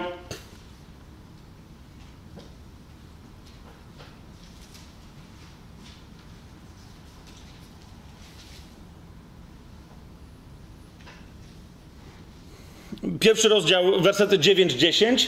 Zwróćcie uwagę, tak? My skądinąd wiemy z listu do Efezjan, że kto będzie zbawiony, a więc kto będzie miał życie wieczne, e, no ten, kto otrzyma łaskę przez wiarę, tak? Źródłem życia wiecznego jest łaska. I teraz zwróćcie uwagę, e, drugi do, temu, do Tymoteusza, pierwszy rozdział, dziewiąty werset. On to mówi o, e, o Bogu, tak? Bogu, i tu dziewiąty werset, który nas wybawił i powołał powołaniem świętym, nie na podstawie uczynków naszych, ale według postanowienia swojego i łaski danej nam w Chrystusie Jezusie przed dawnymi wiekami. Ale teraz rozumiecie o co chodzi? Oni to ustalili, że się tak wyrażę, w Trójcy Świętej. Okej, okay. jaki jest zamiar? Ta łaska dla tych, którzy ją będą chcieli przyjąć, już była ustanowiona. Łaską jesteście zbawieni przez wiarę. List do Efezjan, drugi rozdział, tak? Od ósmego wersetu czytając. Ale ona się ujawniła dopiero wtedy, kiedy ujawnił się Chrystus, patrzcie, dziesiąty werset, teraz objawionej przez przyjście Zbawiciela naszego, Chrystusa Jezusa, który śmierć zniszczył, a żywot i nieśmiertelność na jaśnie wywiódł przez Ewangelię. Mamy jasność? A więc łaska była postanowiona i dana nam w Chrystusie Jezusie przed dawnymi wiekami. To jest to samo, co Paweł pisze w tym właśnie na początku listu do Tytusa, ale została objawiona przez przyjście Zbawiciela naszego dopiero wtedy, tak? Nikt w prawie nie mógł wiedzieć, jak się uzyskuje życie wieczne, ponieważ dopiero Mesjasz miał to objawić i to objawił, tak? Otwórzcie sobie y, Ewangelię Jana, idziemy dalej, będziemy po prostu cisnąć, cisnąć i jeszcze raz cisnąć, aż to nam się zupełnie tutaj rozjaśni. Ewangelię Jana, y, pierwszy rozdział. Myśmy, ja już y, ten fragment cytowałem w, w, w zasadzie w tym kontekście, ale teraz niechże on jeszcze, jeszcze mocniej wybrzmi. Chciałbym, żebyśmy całą e, parę fragmentów z Ewangelii Jana, tylko wybranych, tak, tylko wybranych, e, bo ich tu jest multum, znacznie więcej, ale tylko wybranych, żebyśmy dotknęli. E, Ewangelia Jana, pierwszy rozdział sobie otwórzcie, 17-18 werset. Jaki jest stosunek mm, prawa do tego, co zrobił Mesjasz i jak się to w ogóle może mieć do, do zbawienia i do życia wiecznego? Otóż y, Ewangelia Jana, pierwszy rozdział, 17 werset i następny. Zakon bowiem został nadany przez Mojżesza. I tu w ogóle Jan nie tłumaczy, po co on został nadany, tym się za chwilę zajmiemy. Zakon bowiem został nadany przez Mojżesza, łaska zaś i prawda stała się przez Jezusa Chrystusa. Jasne? Jeżeli łaską jesteście zbawieni przez wiarę, to znaczy, że tej łaski nie było w prawie. Jest to jasne? Bo tu mamy wyraźne przeciwstawienie. Zakon został nadany przez Mojżesza, ale łaska i prawda stały się przez Jezusa Chrystusa. Dopiero wtedy. To, że obietnica życia wiecznego e, była bardzo długa, od, od, zarania dziejów, i, i, to, że sobie ktoś powymyślał, w jaki sposób uzyskać życie wieczne, na przykład, że przez przestrzeganie prawa, oraz dzisiaj ludzie również sobie wymyślają, jak się zyskuje życie wieczne. Zwróćcie uwagę, tak? Mają swoje religie, ja o tym mówiłem przy okazji pierwszego sezonu, zaraz na początku księgi Bereshit, tak? Mają swoje religie. Mówią, przecież nie jestem taki zły, a Bóg jest w porządku, no to chyba to jakoś tam poważy i wyjdzie ok, tak? Czyli mówią, moje uczynki to załatwią, tak? Nawet nie, że uczynki prawa, tylko w ogóle jakieś w miarę, tak? Oczywiście cały czas w ten sposób są bałwochwalcami, w sensie, że czczą swój własny wizerunek, bo myślą, że Bóg, który jest święty, który mówi wyraźnie: Moje myśli nie są waszymi myślami i moje drogi nie są waszymi drogami. Oni myślą, że Bóg jest na ich obraz i na ich podobieństwo. I że on będzie myślał o nich tak, jak oni myślą o wszystkim pozostałym. Tak? Że to jest po prostu cool gość, i, a on ich porówna do siebie, bo on jest standardem. On jest stworzycielem, a nie ten, kto sobie o nim myśli, że myśli. A zatem przyszedł Pan Jezus i jeszcze, widzicie, druga rzecz, która się tutaj stała, wraz z objawieniem w Nim łaski i prawdy dokonuje się objawienie Boga. 18 werset. Boga nikt nigdy nie widział. Nikt nigdy. I stąd wiemy, że nawet Mojżesz, jak się spotykał z nim twarzą w twarz, to się pewnie na niego nie patrzył, bo by zginął, tak?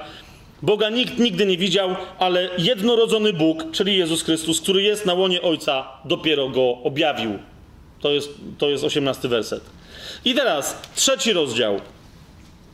Od 16, tej samej Ewangelii, yy, tej samej Ewangelii Janowej, tak? Żebyście zaczęli, że ten wątek właśnie objawienia łaski i prawdy na temat życia wiecznego i zbawienia jest oczywisty w głoszeniu Pana Jezusa, po prostu. Albowiem tak Bóg umiłował świat. Janowa Ewangelia, trzeci rozdział 16-18. Albowiem tak Bóg umiłował świat, że syna swojego jednorodzonego dał, aby każdy, który co? Kto w niego wierzy, nie zginął, ale miał żywot wieczny. Czy jest tu powiedziane, że każdy, kto wypełnia prawo, takie czy inne, każdy, kto jest na tyle dobry, że Bóg jak zważy jego dobre i złe? Nie! Każdy, kto w Niego wierzy, tego, który był dany, w Niego i w nikogo innego. Dzieje apostolskie mówią wyraźnie, bo nie ma pod niebem żadnego innego imienia, w którym moglibyśmy być zbawieni, jak tylko w imieniu Jezusa, żadnego innego. Każdy, kto w Niego wierzy, by nie zginął, ale miał żywot wieczny. Bo nie posłał Bóg swojego Syna na świat, aby ten świat sądził, lecz aby świat ten był przez Niego zbawiony. To jest to. Jezus się nie posługuje prawem, żeby ludziom tłumaczyć, kto ma jakie uczynki. Tylko zbawia, a tych, którzy są zbawieni, zaprasza do życia dobrych uczynków. Ale nie po to, żeby przy pomocy dobrych uczynków się znowu zbawiali, bo już są zbawieni, ale żeby wreszcie byli tym, tymi, którymi od początku mieli być. Żeby wreszcie zaczęli żyć według swojego najgłębszego, autentycznego, osobistego powołania. I stąd mamy podsumowujący werset 18. Kto wierzy w Niego, w Jezusa, nie będzie sądzony. Jeszcze raz, a więc nie trafi na ten sąd uczynkowy, kiedy do, dojdzie do powszechnego zmartwychwstania wszystkich umarłych, z wyjątkiem tych, którzy zmartwychwstaną do życia w tysiącletnim królestwie wcześniej. Kto wierzy w Niego, nie będzie sądzony. Kto zaś nie wierzy, już jest osądzony. Widzicie, to jest to, tak? Dlatego potem Jezus mówi: Ja was nie będę sądził. Moje słowo was sądzi i to, jak go przyjęliście albo nie. Kto zaś nie wierzy, już jest osądzony, dlatego że nie uwierzył w imię jednorodzonego Syna Bożego. Proste. Przejdźmy do piątego rozdziału, 24 e, wersetu tylko. Jeszcze raz, żeby sobie to przypomnieć. Tylko tu się pojawia jeszcze jeden wątek, w ramach którego e, Jezus wyraźnie mówi, e, że wiara w Niego jest, jest jedynym sposobem także na wiarę w Boga, którego nazywamy Ojcem. Więc jeżeli na przykład ktoś do mnie przychodzi i mówi, e, ja jestem muzułmaninem, ale wiesz, my mamy tego samego Boga. No nie? Serio? jakbyś ty wyznawał tego samego Boga co ja, to ten Bóg powiedziałby ci, że do niego przychodzi się tylko przez Jezusa, o czym Jezus w wielu miejscach wyraźnie mówi. Nikt nie może przyjść do mnie inaczej, jak tylko będąc zwezwanym przez Ojca.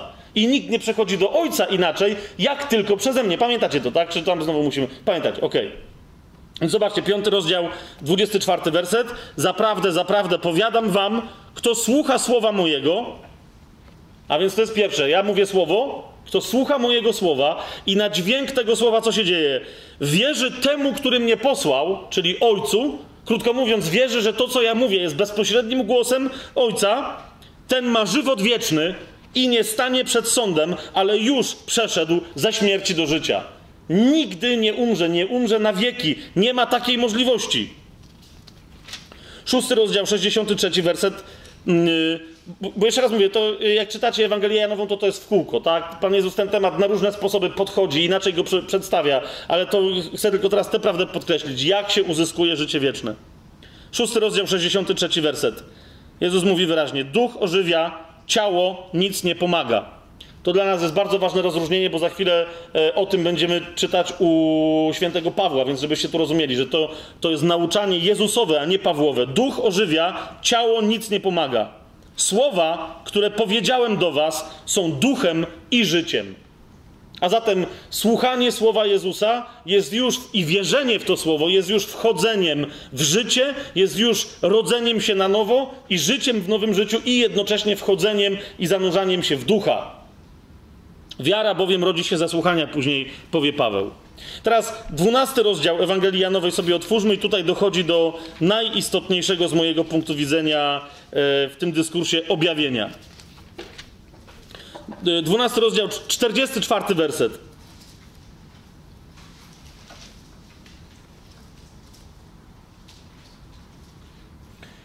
Ponieważ tam Jezus wreszcie wyraźnie łączy słowo przykazanie, koncepcję prawa, wyraźnie łączy wreszcie e, z tym, co to znaczy słuchać Jego i kim On jest.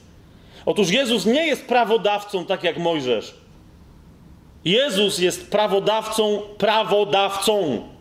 Mojżesz był tylko w takim sensie prawodawcą, że usłyszał prawo od właściwego prawodawcy, czyli od Jahwe. Jasne to jest? I on po prostu przekazał. A Jezus mówi wyraźnie: Nie potrzebujecie żadnego innego prawa, bo mnie macie pośród siebie. Krótko mówiąc, ja jestem prawem, wystarczy mnie mieć, żeby przestrzegać całego prawa. I dlatego ten, kto wierzy w Jezusa, wypełnia całe prawo i na tej podstawie jest usprawiedliwiony.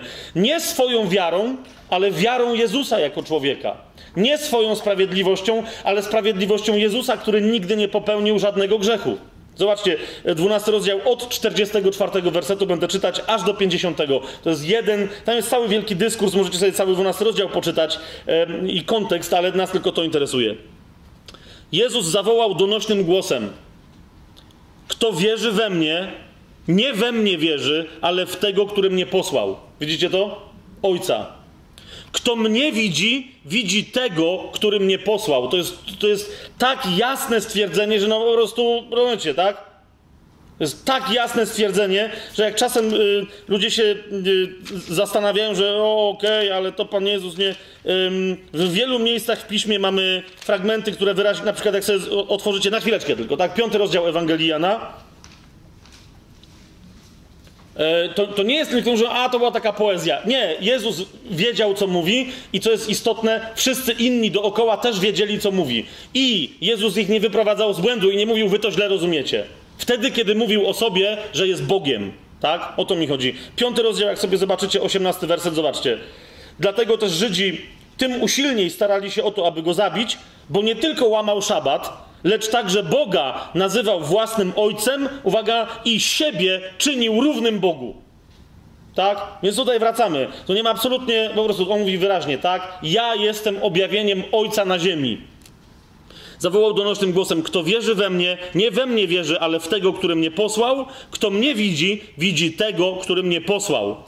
Ja jako światłość przyszedłem na świat, aby ten świat nie pozostał w, ciemno, aby nie pozostał w ciemności nikt, kto wierzy we mnie. A jeśli by kto słuchał słów moich, a nie przestrzegał ich, ja go nie sądzę. Nie przyszedłem bowiem sądzić świata, ale ten świat zbawić. Kto mną gardzi i nie przyjmuje słów moich, ma swojego sędziego. I kto jest sędzią takiego, kto nie przyjmuje Jezusa? Słowo, które głosiłem, sądzić go będzie w dniu ostatecznym. Tak? Każdy, kto usłyszał słowo Jezusa, również otrzymał ducha na to, żeby mieć wolność do odpowiedzi. Wraz z głoszeniem słowa, kiedy, kiedy dlatego wiesz, jak wychodzi ewangelista na ulicę, tak, i krzyczy Jezus, a on coś i tak dalej. Ktoś może mieć wąty, że a on źle to głosi, ośmiesza chrześcijaństwo. Nieważne, ale głosi. I ty też głoś, tak? A kiedy on głosi słowo, ludzie, którzy przechodzą obok i to słowo usłyszą, nie mogą powiedzieć, że się nigdy ze słowem nie spotkali, bo wraz ze słowem działa duch. Bo Jezus powiedział: Moje słowa są duchem i życiem. Tak powiedział? A zatem ten człowiek tak czy siak stanie przed wyborem, tak? Uwierzyć w to słowo czy nie. Może oczywiście yy, pozwolić sobie przez troski dnia codziennego, jak Pan Jezus w przypowieści o siewcy powiedział, może sobie pozwolić wydziobać to ziarno słowa, tak? Może pozwolić krukom, żeby przyleciały, może pozwolić czerniom, żeby zarosły, ale nie może powiedzieć, że nie dotarło do niego słowo i że nie miał wyboru. Kto mną gardzi i nie przyjmuje słów moich, ma swojego sędziego. Słowo, które głosiłem, sądzić go będzie w dniu ostatecznym. Bo ja nie z siebie samego mówiłem, ale ojciec, który mnie posłał, on mi rozkazał, co mam powiedzieć i co mam mówić. Jasne to jest? Jest ojciec, oni się dogadali z ojcem i Jezus zrobi tylko to, co ojciec chciał, żeby było zrobione. Dlatego jest jego objawieniem. I teraz uważajcie, 50 werset. I wiem, że przykazanie jego jest żywotem wiecznym. Nie przestrzeganie prawa mojżeszowego, ale przykazanie ojca. I zauważcie, tu jest także po grecku jest, jest liczba pojedyncza. Przykazanie jego jest życiem wiecznym. Przeto, co ja wam mówię, mówię tak, jak mi powiedział ojciec. A zatem jednak są jakieś przykazania. Znaczy w zasadzie jedno, ale jakieś jest.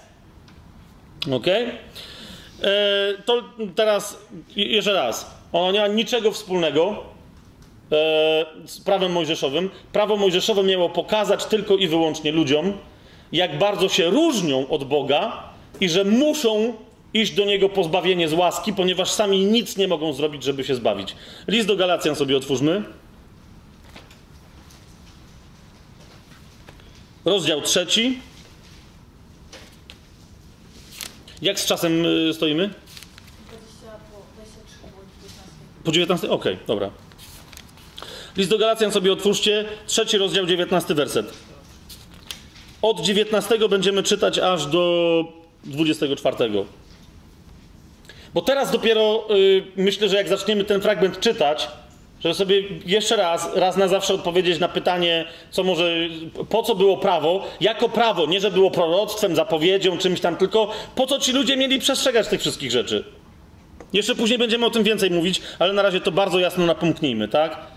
Czymże więc jest zakon, pisze Paweł do Galacjan, y, tych, którzy, y, do których na początku trzeciego rozdziału mówi: O głupi Galacjanie, kto was omamił? Was, przed których oczami został wymalowany obraz Jezusa Chrystusa ukrzyżowanego. To są ci sami, tak?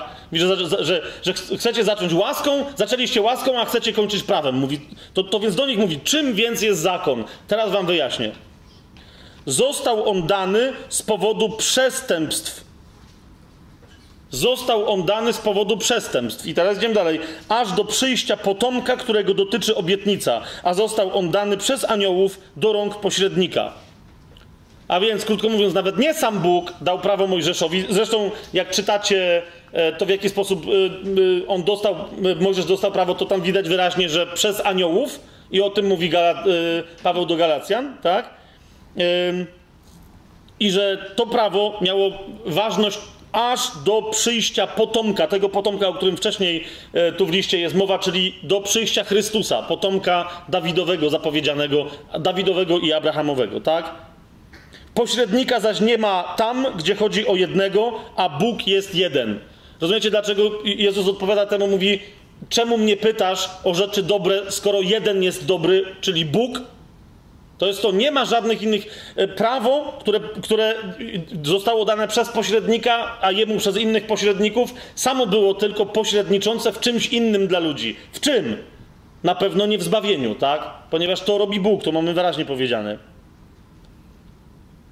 Czy więc zakon, 21 werset czytam dalej, jest przeciw obietnicom Bożym? Bynajmniej, na przykład obietnicy życia wiecznego. Nie, nie, nie, nie. Gdyby bowiem został nadany zakon, który może ożywić, usprawiedliwienie byłoby istotnie z zakonu. Nie jest przeciwny obietnicy Bożej, ale nie jest dany po to, żeby ożywiać. Tak? Lecz pismo głosi, że wszystko poddane jest grzechowi, aby to, co było obiecane, dane było na podstawie wiary w Jezusa Chrystusa tym, którzy wierzą. Otóż, krótko mówiąc, tu w pokrętny nieco sposób, tylko porównując to do tego, co robi, e, co robi Jezus, tak? Prawo zostało dane po to, żeby nam unaocznić naszą bezsilność wobec grzechu. Gdyby nie było prawa, nie rozumielibyśmy, co jest grane. Jest to jasne, co, o czym teraz mówię? Gdyby nie było prawa, nie wiedzielibyśmy, co jest grane, że jesteśmy grzesznikami. Gdyby nie było prawa, które wyjmuje grzech grzesznika na wierzch, o tym jeszcze sobie później więcej powiemy, ale gdyby nie było prawa, które wyjmuje grzech grzesznika na wierzch, e, nikt by nie wiedział, że potrzebuje zbawienia. Gdyby nie było prawa, które pokazywało, zobacz, skoro jesteś grzesznikiem, a za grzech należy się śmierć, a śmierć może być wieczna, to nikt by nie poczuł potrzeby walki o swoje wieczne życie, bo to jest zbawienie. 23 werset czyta mi następny. Zanim zaś przyszła wiara, byliśmy wspólnie zamknięci i trzymani pod strażą zakonu, dopóki wiara nie została objawiona. I 24 werset. Tak więc zakon był naszym przewodnikiem do Chrystusa, ale po co? Abyśmy z wiary zostali usprawiedliwieni, oczywiście w Chrystusa, tak? A nie przez pełnienie uczynków prawa. To właśnie Jezus objawia, mówi, i, mówi ja zbawiam, tak? Wierzcie we mnie. Teraz za chwilę to sobie yy, za chwilę to sobie będziemy udowadniać, ale jakie jest to jedno przykazanie, o którym powiedział Jezus? Jedno jest przykazanie, które przychodzi od Ojca. Jedno, nie ma żadnego żadnego innego. Jedno, które zbawia i dzięki któremu możesz zacząć żyć, według, rozumieć nowe prawo.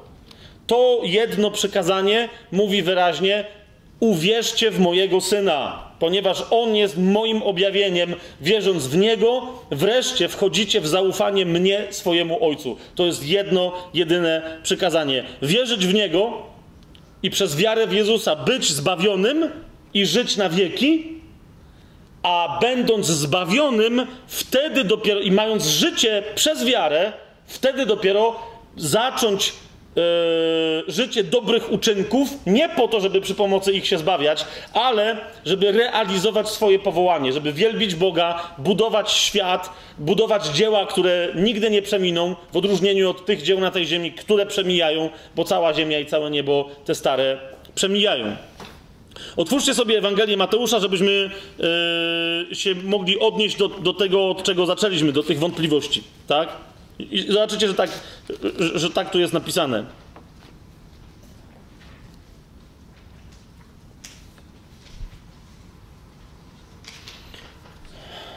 Tylko jeszcze dodam, później sobie to troszeczkę wyjaśnimy. Jeżeli prawo bo widzicie, ta logika y, fałszywa, która mówiła, że przez prawo można mieć życie wieczne, mówiła, na życie wieczne możesz sobie zasłużyć, przestrzegając prawa i będąc nieskazitelnym. Krótko mówiąc, e, a, a rzeczywiście e, prawo brzmiało: ty rób, ty przestrzegaj, ty to rób, ty tamtego nie rób, ty, ty, ty, ty, ty. Prawo cały czas pokazywało na człowieka. Będziesz robić co? Będziesz przestrzegać szabat, tak? Nie będziesz brać imienia Pana Boga nadaremno. Nie będziesz cudzołożyć, nie będziesz zabijać, nie będziesz kraść, nie będziesz składać fałszywego świadectwa i tak dalej. Rozumiecie, o co mi chodzi, tak? Ty! Teraz, skoro już wiemy, że to miało, po to prawo na nas pokazywało, żeby, żeby, żebyśmy mieli świadomość, że aha, no to fajnie, bo mam problem z przestrzeganiem tego wszystkiego, tak? To to jeszcze raz, jeżeli ktoś tam wlazł z fałszywą informacją i powiedział, ale gdyby ci się jakimś cudem udało, no to ty się zbawisz, tak? To właśnie dlatego nigdy nikomu się nie udało prawa wypełnić. Tak, wielcy geniusze, jak Mojżesz, Dawid, Salomon i tak dalej. Zauważcie, każdy z nich popełniał w swoim życiu taki grzech, po którym się już nie mógł podnieść. Myślę, że między innymi dlatego to Bóg dopuszczał, żeby im powiedzieć: Aha, jest wielu świadków wiary ze Starego Przymierza, tak? Ale to, co nam Stare Przymierze pokazuje, to są historie ludzi, którzy grzeszyli i upadali. I dochodzili do wniosku, jak zresztą Paweł yy, często się powołuje na, na Dawida, czyli Dawid, który, który mówi: Tylko łaską mogę być zbawiony. Miej miłosierdzie dla mnie, panie. Bo ja sam z siebie nie mogę nic ze sobą, ze swoim dziadostwem, nic ze sobą i ze swoim dziadostwem yy, zrobić. W Nowym Przymierzu co się dzieje? Zbawienie nie ma niczego wspólnego z prawem. Zbawienie jest robotą Boga. Po prostu chodzi o to, żeby do Niego przyjść i powiedzieć: No to wyciągnij mnie z tego błota. I on wyciąga. Mogę przyjść i powiedzieć: Nie mam siły się sam wyciągnąć z tego błota. To jest tylko tyle. I z tym niektórzy walczą, bo mają syndrom: Ja sam! Japońska filozofia: Ja sam tu! A to jest tylko tyle, tak?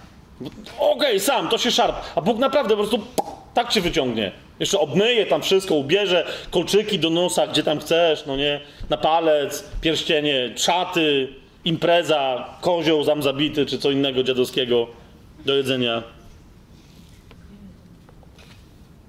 Natomiast gdzie się zaczyna prawo? Prawo zaczyna się tam, gdzie zaczyna się w tobie życie Chrystusa. Rozumiesz? Ty się nie odwołujesz do żadnego przepisu, bo nie masz żadnego zewnętrznego sędziego. Tego, który nie jest sędzią, ale prawodawcą, masz w sobie. I dlatego nie ma żadnych zewnętrznych praw, ale jest świadomość Chrystusa, relacja z Nim i naśladowanie Go. Chcesz przestrzegać prawa Nowego Przymierza? Naśladuj Chrystusa. Nie da się w żaden inny sposób. Zaraz o tym powiemy sobie Yy, więcej. Ale Ewangelia Mateusza, 19 rozdział. Pamiętacie, czytaliśmy od 16 do 18 wersetu, tak? Już wiemy, że Jezus jednak pytanie młodzieńca zakwestionował, tylko on nie, nie załapał naj, najwyraźniej. Co mam czynić, aby osiągnąć żywot wieczny? Czemu pytasz mnie o to, co dobre? Jeden jest tylko dobry, Bóg. W domyśle on jest gwarantem życia wiecznego. Ale mówi, dobra, jeżeli chcesz, wejść do żywota, przestrzegaj przykazań. I teraz tu niektórzy kończą, tymczasem chodzi o to, że Jezus nie skończył. tak? Jezus nie skończył. Na tym kończenie to cytatu jest kretyńskie. Tak? Przestrzegaj przykazań, których to znowu tu kończą, tak? Czci ojca w 19 wersecie miły bliźniego i tu kończą, tak? A tu Jezus jeszcze nie skończył. Pamiętajcie, że on mówi do faryzeusza najprawdopodobniej, albo kogoś, kto jest uczniem faryzeusza, więc przestrzega praw, tak? Mówi mu młodzieniec, zobaczcie 20 werset, tego wszystkiego przestrzegałem od młodości mojej. Czegóż mi jeszcze nie dostaje? Widzicie, macie oto człowieka, który sam nie rozumie, że, że sam sobie ogłasza prawdę o tym, że nie da się przestrzegając prawa mieć życia wiecznego. Tak? On mówi, że wszystkiego przestrzega, a czegoś mu brakuje. I przychodzi i mówi, co jeszcze dobrego miałbym robić, tak? Zauważcie, jaka jest odpowiedź wtedy Jezusa, tak? Bo on go właśnie do tego wyznania doprowadza. Mówi, zrozum, przestrzeganie prawa, robienie czegokolwiek dobrego nic ci nie da. I, I, a ten dalej tego nie łapie, ale to mówi na głos, tak? I wtedy zobaczcie, rzekł mu Jezus 21 werset. Jeżeli chcesz być doskonały, idź, sprzedaj co posiadasz i rozdaj ubogim, a będziesz mieć skarb w niebie. I znowu niektórzy tu kończą i mówią, wszystkiego się trzeba pozbyć. Wszyscy mają być Franciszkanami. I potem jak Paweł mówi, że ci z was, którzy mają dar rozdawania, nie wiem z czego by mieli rozdawać, tak? Albo jak, zrobi, jak, jak w wielu miejscach mówi, że zbiera składkę na jakiś tam jeden ubogi kościół, w drugim kościele, gdzie, gdzie był dostatek, jakby wszyscy mieli nic nie mieć, to z czego by zbierał, tak? A Pan Jezus znowu jeszcze nie skończył. Powiedział mu, ty idź, wszystko rozdaj, Jemu to było bardzo potrzebne, temu młodzieńcowi. Za chwilę to się nam zresztą wyjaśni, tak? On to powiedział temu młodzieńcowi, że ma wszystko rozdać, a nie wszystkim, że każdy ma wszystko rozdać, tak? Bo wielu innym tego Pan Jezus nie powiedział, wręcz przeciwnie, co innego im powiedział. Rozdaj ubogim, będziesz mieć skarb w niebie, a potem przyjdź i co? Naśladuj mnie. Dopiero wtedy załapiesz, na czym polega prawo.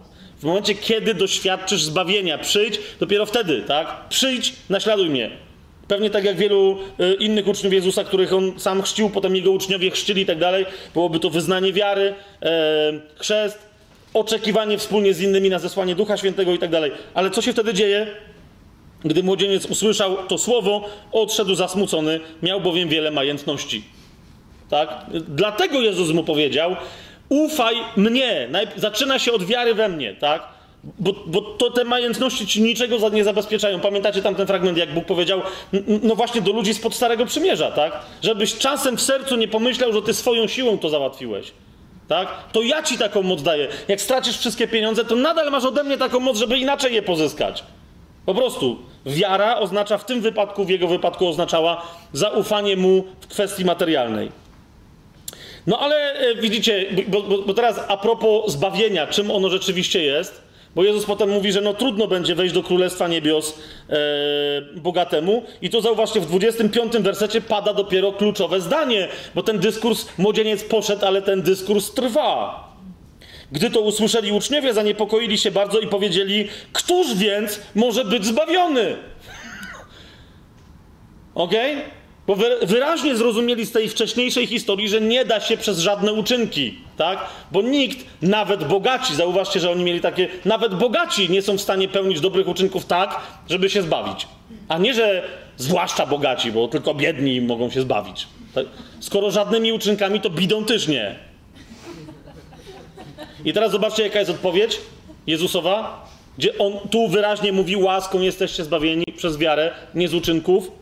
Jaka jest jego odpowiedź? Jezus spojrzał na nich i rzekł im: U ludzi to jest rzecz niemożliwa. Czy dla ludzi, tak? Zbawienie to jest rzecz niemożliwa, ale u Boga wszystko jest możliwe. Bóg zbawia. Jeszcze raz, tamten młodzieniec otrzymał dyskurs dla siebie, ale w którym nie ma żadnego dowodu na to, e, że ktoś może być zbawiony za swoje uczynki. I tu się bardzo ważne rozróżnienie pojawia Wtedy odpowiadając, Piotr powiedział mu: Oto my opuściliśmy wszystko i poszliśmy za tobą. Cóż za to mieć będziemy? Ok? E, I otrzymuje ważną odpowiedź od Jezusa: Zaprawdę powiadam wam, że wy, którzy poszliście za mną przy odrodzeniu, a więc to jest zmartwychwstanie tych, którzy wierzą w Jezusa, jasne to jest? Przy odrodzeniu, zresztą to widać z kontekstu, gdy syn człowieczy zasiądzie na tronie chwały swojej, zasiądziecie i wy na dwunastu tronach. To wyraźnie widać, że mówi do apostołów, tak? Zasiądziecie i wy na dwunastu tronach i będziecie sądzić dwanaście pokoleń izraelskich. A więc nas nie. Może Bogu dzięki, ja nie wiem, czy bym koniecznie chciał być sądzony przez na przykład Piotra, no nie? I, ale uwaga, i tu jest, to było do nich, tak? To jest do apostołów. Ale Pan Jezus mówi dalej, ale też każdy, kto by opuścił domy albo braci, albo siostry, albo ojca, albo matkę, albo dzieci, albo rolę dla imienia mojego, stokroć tyle otrzyma, wciąż w domyśle wtedy, kiedy Syn Człowieczy przyjdzie. Tak? Stokroć tyle otrzyma i odziedziczy żywot wieczny. Tak? Oprócz tego. Ale widzicie, Jezus tu wyraźnie daje to rozróżnienie. To, że ktoś jest zbawiony i ma życie wieczne, to jest jedno, ale wciąż po co marzyć od tej pory życiem dobrych uczynków, nawiasem mówiąc, do którego to życia właśnie jest uzdatniony, że tak wyrażę, po to, żeby otrzymać nagrodę, która jest również nagrodą wieczną. Ponieważ nagrodę, którą otrzyma w królestwie e, tysiącletnim, to królestwo zamieni się w królestwo, to jest królestwo wieczne, tak? Ziemia i, i niebo przeminą, ale to królestwo nie przeminie. Jezus nigdy z tego swojego tronu nie zejdzie. A więc widzisz, Nagroda wieczna to jest coś innego niż życie wieczne. Rozumiecie, o, o, co mi tu idzie?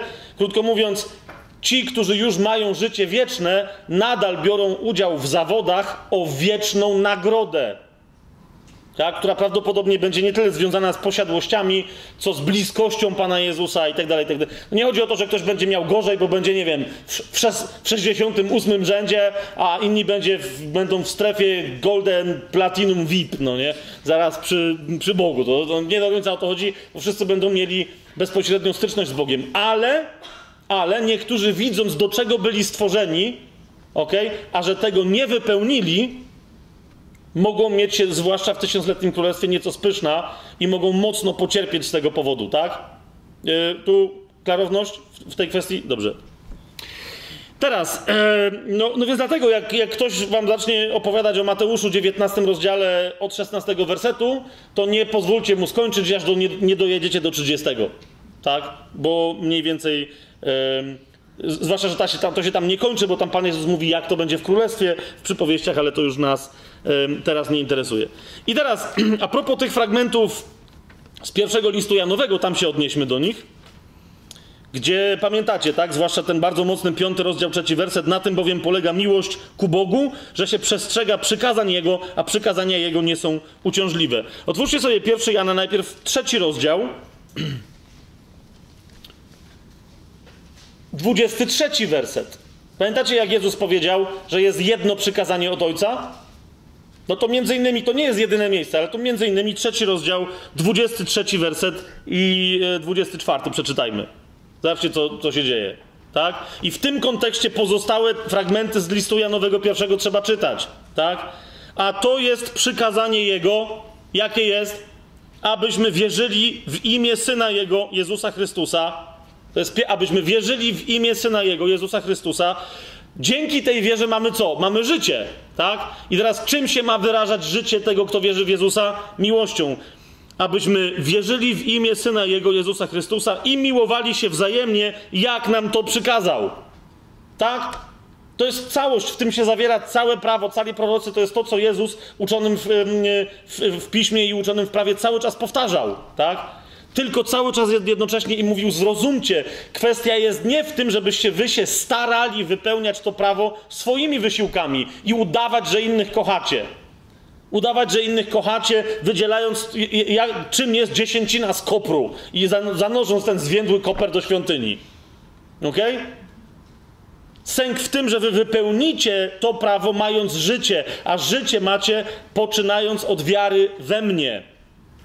Nawiasem, jak sobie wrócimy y, do Ewangelii Janowej, nie, nie musicie tam przeskakiwać, bo jak mi wierzycie w to, co przeczytam, to ok.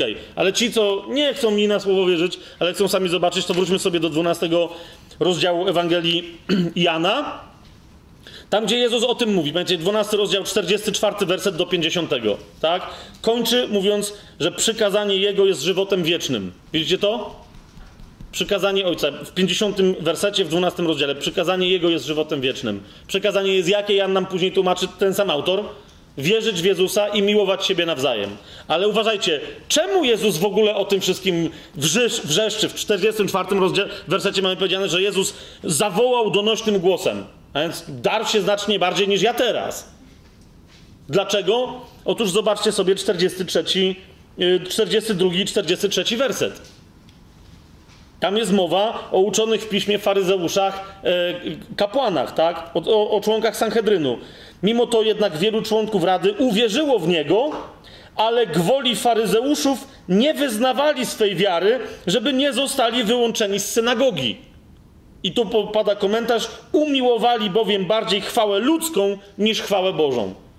I to w tym kontekście Jezus zawołał donośnym głosem: Kto wierzy we mnie, nie we mnie wierzy, ale w tego, który mnie posłał. Więc jeżeli wy, Sanhedrynie czcigodny, twierdzicie, że reprezentujecie Boga tu na ziemi, to mówię wam nie, bo gdyby tak było, to byście we mnie wierzyli, bo kto we mnie wierzy, wierzy w Ojca. Jasne?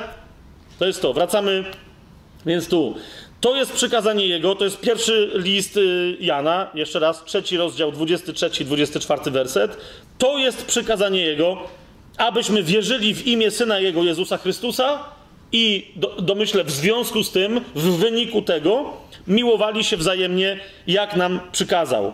A kto przestrzega przykazań Jego, mieszka w Bogu. Tych, tych przykazań, tak? A kto przestrzega przykazań Jego, mieszka w Bogu, a Bóg w nim i po tym duchu, którego nam dał, poznajemy, że w nas mieszka.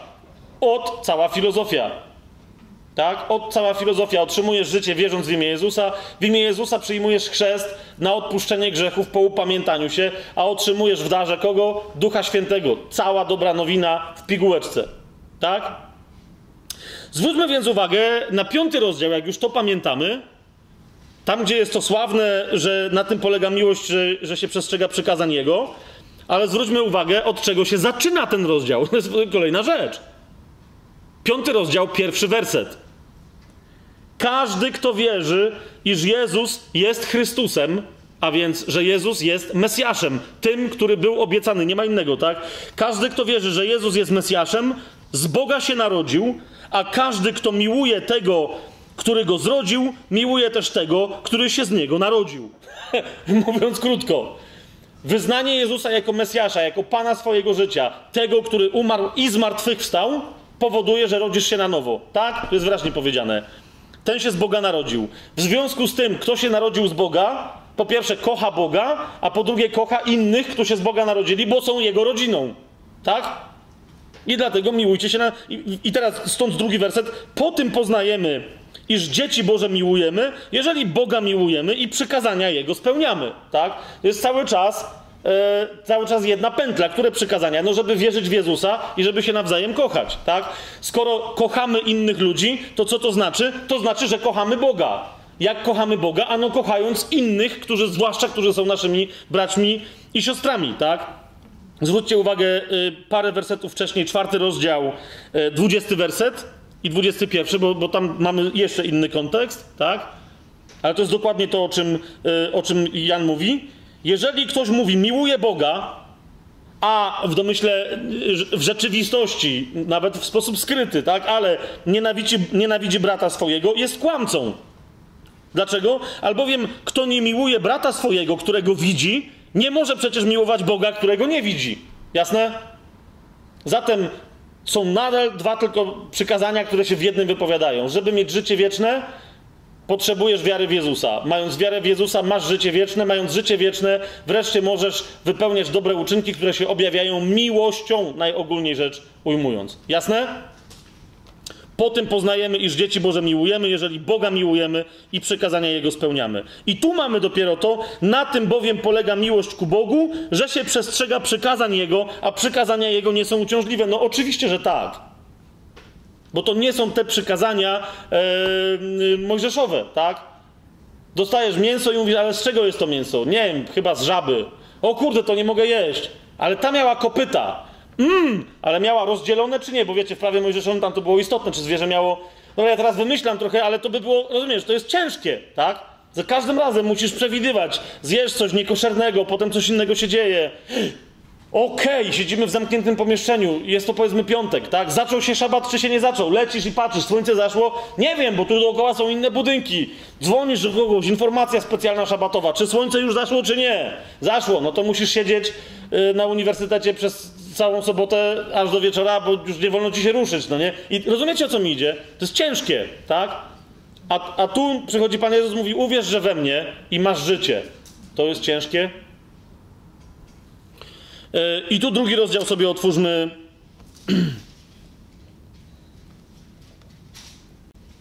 Tam, gdzie w czwartym wersecie było powiedziane, yy, kto mówi znam go, a przykazań jego nie zachowuje, kłamcą jest i prawdy w nim, w nim, nie ma. Znowu, jak się to wyrwie z kontekstu, no przykazania, przykazania. Ale jeszcze raz, tak? Zobacz, drugi rozdział, yy, od drugiego wersetu czytajmy. To jest o Jezusie powiedziane, tak? On, i, i to poczytajmy aż do dziesiątego wersetu. Od czego się zaczyna? Od tego, że Jezus jest przebłaganiem za nasze grzechy. Nie ma żadnego innego.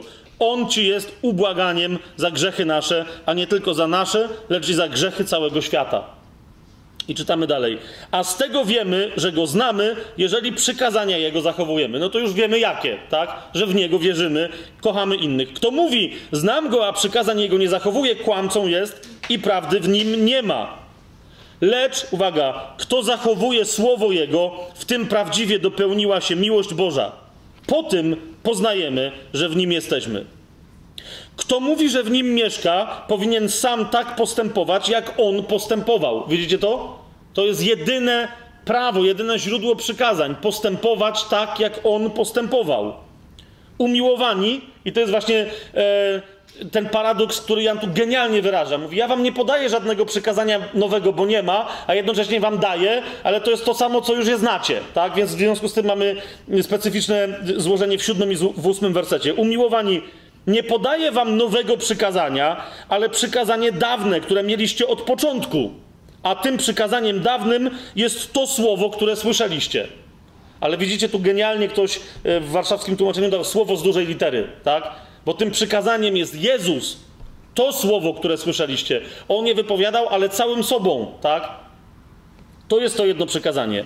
I za chwilę mówi, a jednak w ósmym wersecie, nowe przykazanie podaję wam. To, które jest prawdziwe w nim i w was. Gdyż ciemność ustępuje, a światłość prawdziwa już świeci. Pamiętacie ten fragment z 12 rozdziału, jak Jezus 44, 12 rozdział do, do, do 50 mówi, dociera do tego, że jest jedno przykazanie od, od Pana, tak? I on wcześniej mówi, ja się pojawiłem na tym świecie jako światłość. I Jan tu mówi dokładnie o tym samym.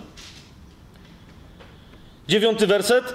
Kto mówi, że jest w światłości, a brata swojego nienawidzi, w ciemności jest nadal. Kto miłuje brata swojego, w światłości mieszka i nie ma w nim zgorszenia. I to się tam dalej rozwija. Ale jeszcze raz, podstawą do tego, żeby móc kochać innych ludzi, jest posiadanie życia wiecznego. Tak? Że, bo jeżeli ktoś kocha innych ludzi, ale tak naprawdę po to, żeby sobie w ten sposób co innego załatwić, wówczas nie ma żadnego dobra w tym, co robi, bo to jest interesowne, a nie bezinteresowne. Tak? Teraz, ja mam tutaj tak sobie, tak sobie zapisałem tutaj takie sformułowanie. Przykazanie jest jedno: wierzyć w Jezusa, aby zostać zbawionym i żyć na wieki, a mając życie od Niego, żyć tak jak On, czyli kochać, bo On jest miłością. Tak? I między innymi e, dlatego e, sławne stwierdzenie Bóg jest miłością pojawia się właśnie w pierwszym liście Janowym, w czwartym e, rozdziale tegoż listu. I tu bym zakończył całą historię, bo to myślę, że jest zrozumiałe, tak? Eee, ale jak obiecałem wam ostatnio, yy, niektórzy proszę mówią, dobrze, ale to w takim razie no, miłować innych też trzeba według jakichś praw. I mówią, w Nowym Testamencie jest mnóstwo zapisanych praw. E, żeby nie być gołosłownym, skoro żeśmy już sobie o tym, że sławetnym zawodniku rozmawiali, otwórzcie sobie list do, do Tytusa.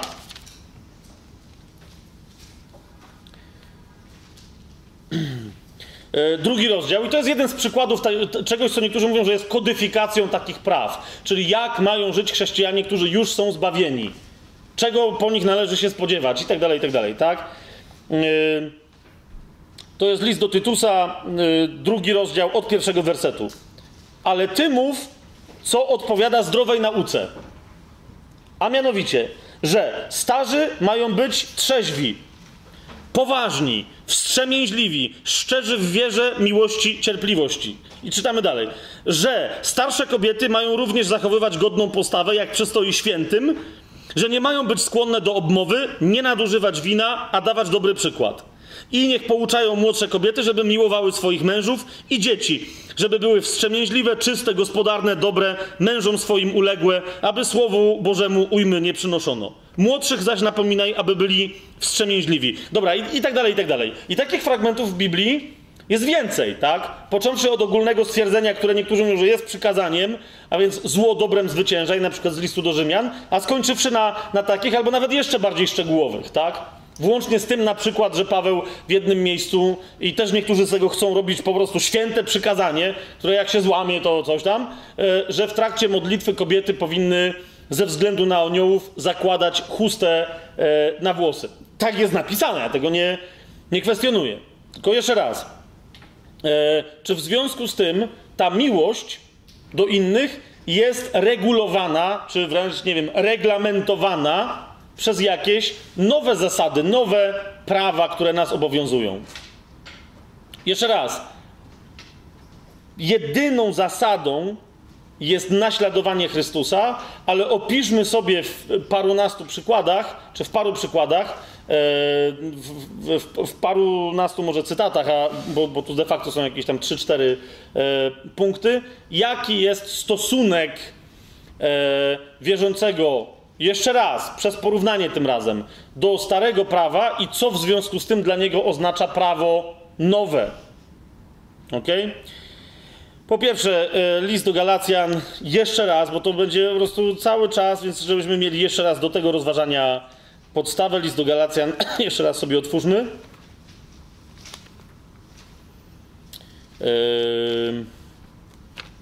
Drugi rozdział.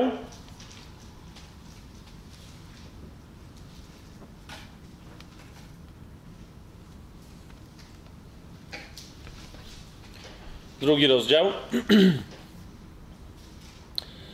prawo, widzicie, to jest kolejna rzecz, tak? Tamto prawo, prawo mojżeszowe, całe rozumienie religijne w każdej religii, nie tylko prawa mojżeszowego, prawa e, tak zwanego boskiego, z wyjątkiem prawa naturalnego, ale to jest y, trochę inna historia, w liście do Rzymian opisana bardziej. E, każda religia mówi: przestrzegaj tych praw, takiego czy innego zakonu, takich czy innych instrukcji, i to cię uratuje. Tak? I niektórzy w związku z tym mówią: Dobra, nie ma żadnego prawa mojżeszowego, tak? Ale jako chrześcijanie mamy życie, a miłość nasza musi być według pewnych zasad. Jeszcze raz, jeszcze raz. Tak, tak, oczywiście, że chrześcijanin nikogo nie zabije. Nie dlatego, że, że musi rozróżniać, tak jak we wszystkich religijnych odruchach, między dobrem a złem, ale dlatego, że wie, że idzie za życiem. Duch mu na to nie pozwoli. Albo wierzysz w to, że, się, że udało ci się narodzić z ducha, albo twierdzisz, że się narodziłaś, czy narodziłeś z ducha, a nadal potrzebujesz strażnika, którym jest prawo. Przecież to byłoby idiotyczne. Masz prawdziwą relację z Bogiem, czy nie? Mówi do ciebie, czy nie? Jak, jak Jan w pierwszym liście pisze, że, że ducha mamy posłanego na dowód tego, że, że, że mamy nowe życie, to mamy go posłanego, czy nie mamy? Jeżeli musi być jakiś przepis zewnętrzny, o którym ty nie wiesz od środka, to coś jest nie tak. Coś jest nie tak. Ci, którzy się rodzą z ducha, którzy są nowonarodzeni, nie grzeszą. O tym mówi Jan w pierwszym liście, w paru miejscach poczytajcie sobie. Już mi się nie chce tam sięgać, żeby to znowu cytować. Kto się narodził z Boga, nie grzeszy. Nie dlatego, że jest taki cwany, taki silny, taki nagle święty się sam z siebie zrobił, ale dlatego, że Bóg go uświęca. Duch go prowadzi dalej. Może się zmusić, żeby zrobić coś złego, tak? Ale nie zrobi tego ze swojej nowej natury. List do Galacjan, ostatni raz to powołuje, tak? Powołuje się na to, żebyśmy o tym pamiętali. Nawet Żydzi, którzy spośród wszystkich narodów się wyłączali, że my jesteśmy Żydami i my, my wiemy o co chodzi. List do Galacjan, drugi rozdział, wersety 15-16. W ich imieniu mówi Paweł. My jesteśmy Żydami z urodzenia, a nie grzesznikami z pogan. Wiedząc jednak, że człowiek zostaje usprawiedliwiony nie z uczynków zakonu, a tylko przez wiarę w Chrystusa Jezusa, i myśmy w Chrystusa Jezusa uwierzyli, abyśmy zostali usprawiedliwieni z wiary w Chrystusa, a nie z uczynków zakonu. I tu po raz ostatni to powtórzę. Jest jedyna możliwa postawa wierzącego czy wierzącej. Ponieważ z uczynków zakonu Drugi do Galacjan, e, to jest list do Galacjan, drugi rozdział, szesnasty werset. Ponieważ z uczynków zakonu nie będzie usprawiedliwiony żaden człowiek. Żaden człowiek nie dostąpi usprawiedliwienia z uczynków zakonu. A zatem nikt się nie zbawi yy, przez prawo. Do, do, czego w takim razie nadal może nam służyć prawo? Ano, skoro nam objawiało naszą nędzę, to my dzięki prawu możemy także pokazywać innym ludziom ich grzech. Nie żeby ich oskarżać, ale żeby im pokazać, że są w tym swoim grzechu, jeżeli już widzą, że jest straszny, że są bezsilni i że sobie sami bez Zbawiciela nie poradzą. Otwórzcie sobie list do Rzymian, żeby to jasno, yy, jasno zobaczyć. Trzeci rozdział. List do Rzymian, trzeci rozdział.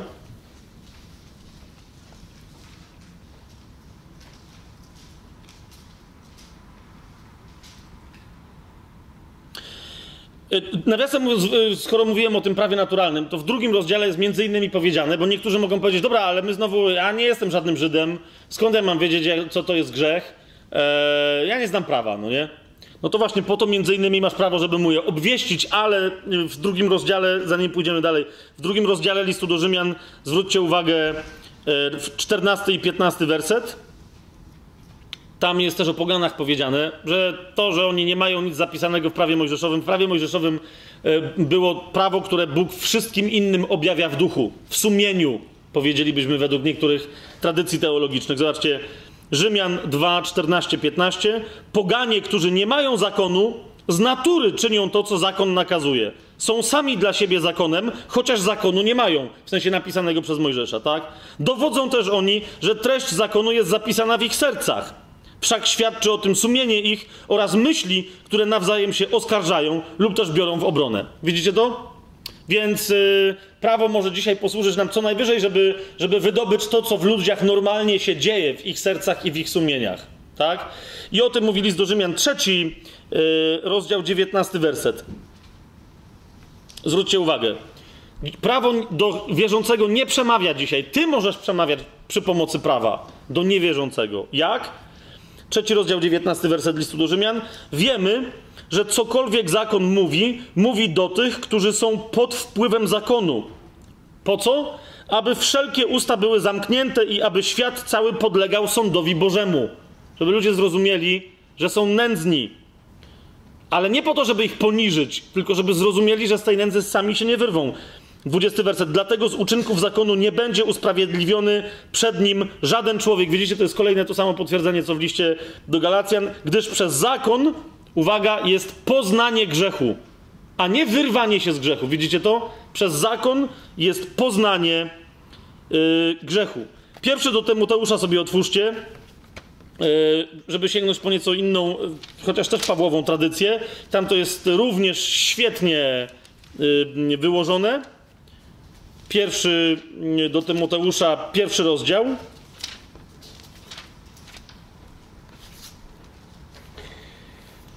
Od siódmego do dziesiątego wersetu. Zobaczcie, co się tutaj dzieje.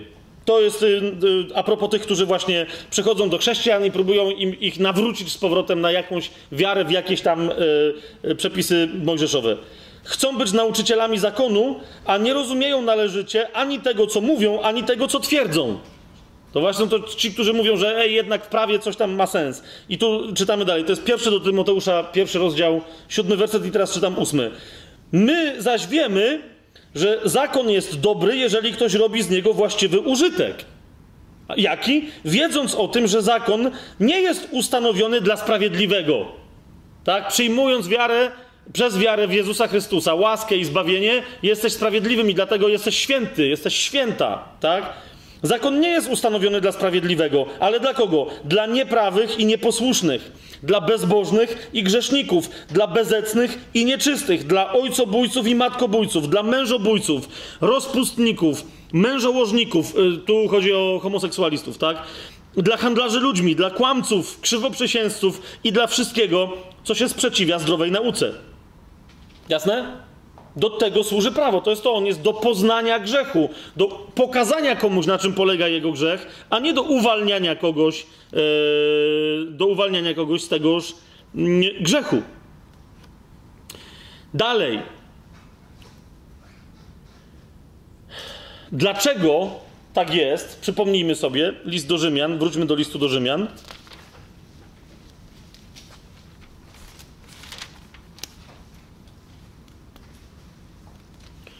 Tu Paweł tłumaczy, dlaczego tak się dzieje. Jaki jest mechanizm, bo to, o tym musicie pamiętać, bo o to będą ludzie pytać, tak?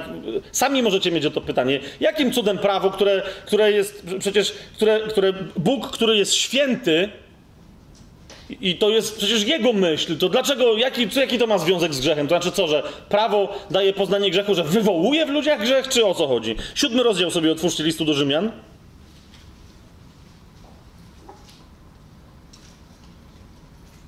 I czytamy od ósmego wersetu. Bo tam wcześniej jest, cóż więc powiemy, że zakon to jest grzech? Przenigdy, tak? I ósmy werset. Grzech przez przykazanie otrzymał bodziec i wzbudził we mnie wszelką porządliwość, bo bez zakonu grzech jest martwy. I dalej czytamy, dziewiąty werset i następne. I ja żyłem niegdyś bez zakonu, ale kiedy przyszło przykazanie, w sensie zakonne, mojżeszowe, grzech ożył. A ja umarłem i okazało się, że to przykazanie, które miało mi być ku żywotowi, było ku śmierci. Tak? I to jest to, co Paweł mówi. Więc, a więc nie, że kto wypełnia prawo. Przyszło prawo i się co okazało? Że jestem martwy, a nie, że jestem żywy. I dalej czytamy jedenasty werset. Albowiem grzech, otrzymawszy podnietę przez przykazanie, zwiódł mnie i przez nie mnie zabił. I teraz odpowiedź, czy więc grzech, czy więc prawo to powoduje. Popatrzcie, 12 i 13 werset. Tak więc zakon jest święty i przykazanie jest święte i sprawiedliwe i dobre. Czy zatem to, co dobre, stało się dla mnie śmiercią? Przenigdy. Grzech natomiast to właśnie grzech, żeby się okazać grzechem, posłużył się tą rzeczą dobrą, a więc myślą Bożą, aby spowodować moją śmierć. Aby grzech przez przykazanie okazał ogrom swojej grzeszności. Tak? Niezależnie od tego, jak dla niektórych z Was to może być teraz skomplikowane, Polecam wam, posiedźcie trochę z listem do Rzymian, e, porozważajcie sobie i z Duchem Świętym, i z Panem Jezusem, i z Ojcem, tak? I z nimi sobie porozważajcie te kwestie. Idzie mi tylko o to, że również my w związku z tym nie mówimy, że prawo, jako prawo w Starym Przymierzu, że było czymś złym. Nie. To jest genialna demonstracja także umysłu i serca Bożego, Jego standardów. I on tego nie pokaże. Teraz to jego przykazanie, ono nie ma nikogo sprowadzić na manowce. Jest tylko pokazaniem ludziom, że nasze standardy są nędzne, my ich nie przestrzegamy. Tak? Dlatego rozwiązanie z Panem Jezusem, że się tak wyrażę, jest jedynym sensownym, okay? ponieważ prawo jest ważne, ono jest dobre, a skoro w nas objawiło grzech, to co się musi stać? Musimy umrzeć tak? Musimy umrzeć dla prawa. Nie ma żadnej innej możliwości. No już kiedyś, y, niedawno, ja z kimś z Was się dzieliłem tą, tą myślą, e, że powiedział, że w zasadzie każdy człowiek ma, ma, ma przed sobą do wyboru śmierć i śmierć. Tylko, że jedni wybierają taką śmierć, która ich zabija na wieki, a inni wybierają taką śmierć, która im daje życie na zawsze. Tak? Ponieważ jeżeli ktoś staje się chrześcijaninem, to upamiętanie, e, nawrócenie, świadomość swojego grzechu do czego go doprowadza? Do tego, że decyduje się na śmierć. Wyznanie wiary w Pana Jezusa, zmartwychwstanie, e, zmartwychwstanie Pana Jezusa, wyznanie, przyjęcie Go jako Pana prowadzi Cię w posłuszeństwie wiary do chrztu, a chrzest jest zanurzeniem się najpierw w śmierć. Dlatego prawo dla nas jest takie nieważne. To yy, mojżeszowe. Nawet jako, wiecie, jako jakiś kontekst, jako jakaś miarka, jako cokolwiek, bo my jesteśmy dla niego martwi. Szósty rozdział listu do Rzymian, skoro już w nim jesteśmy sobie na przykład otwórzcie.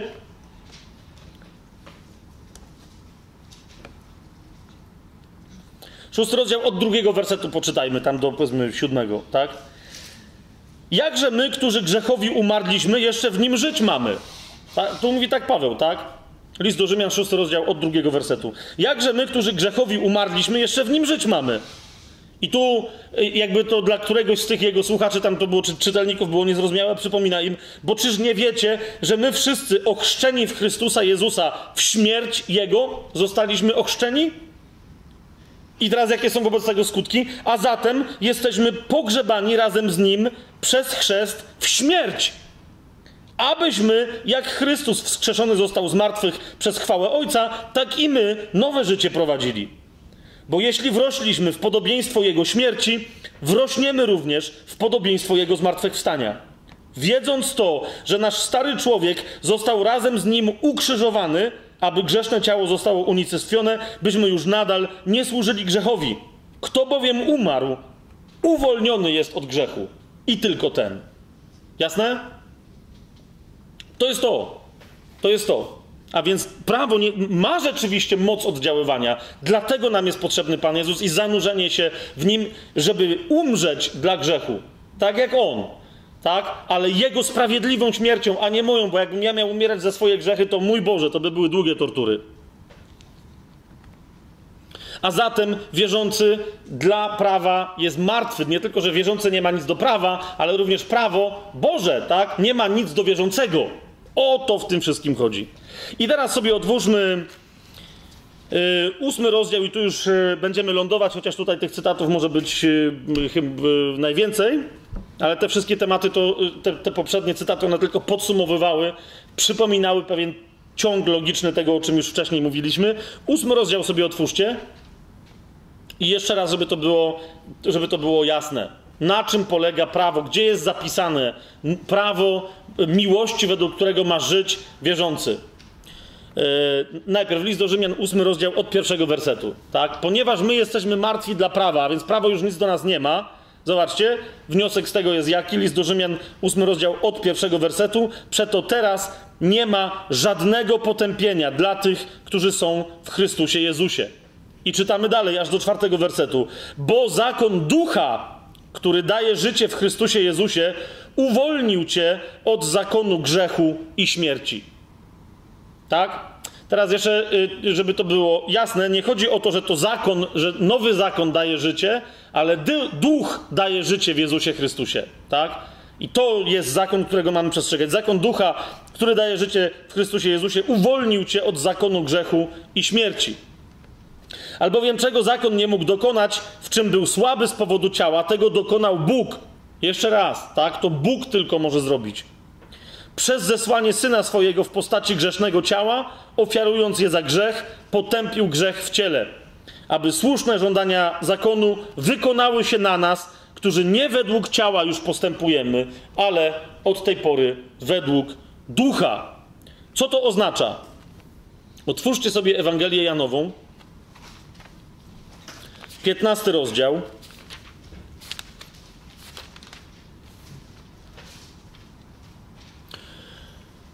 Będziemy czytać od 8 wersetu do 12.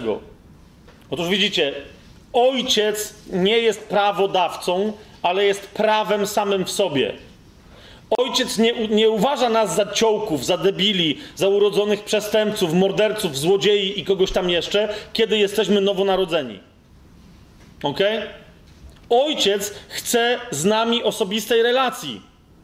Jeżeli jesteście dziećmi tutaj, no to wszyscy są, tak? Ale jeżeli ktoś z Was jest rodzicem, to gdzie ktoś z Was miał takie doświadczenie, jak miał, to niech się potem do mnie zgłosi, będziemy się za niego modlić i leczyć, no nie? Że w, do, w domu ojciec ustanowił bardzo surowe prawa, za które na przykład była między innymi kara śmierci. Okej, okay, niektórzy z nas pochodzą z surowych domów, tak? Ale zwróćcie uwagę, im surowsze prawo jasno ogłoszone przez ojca w domu, tak? A potem przestrzegane, E, za jakieś drobiazgi, tym gorsza atmosfera w tym domu. Jeszcze gorzej jest, jak ojciec mówi, ja jestem prawodawcą, tak?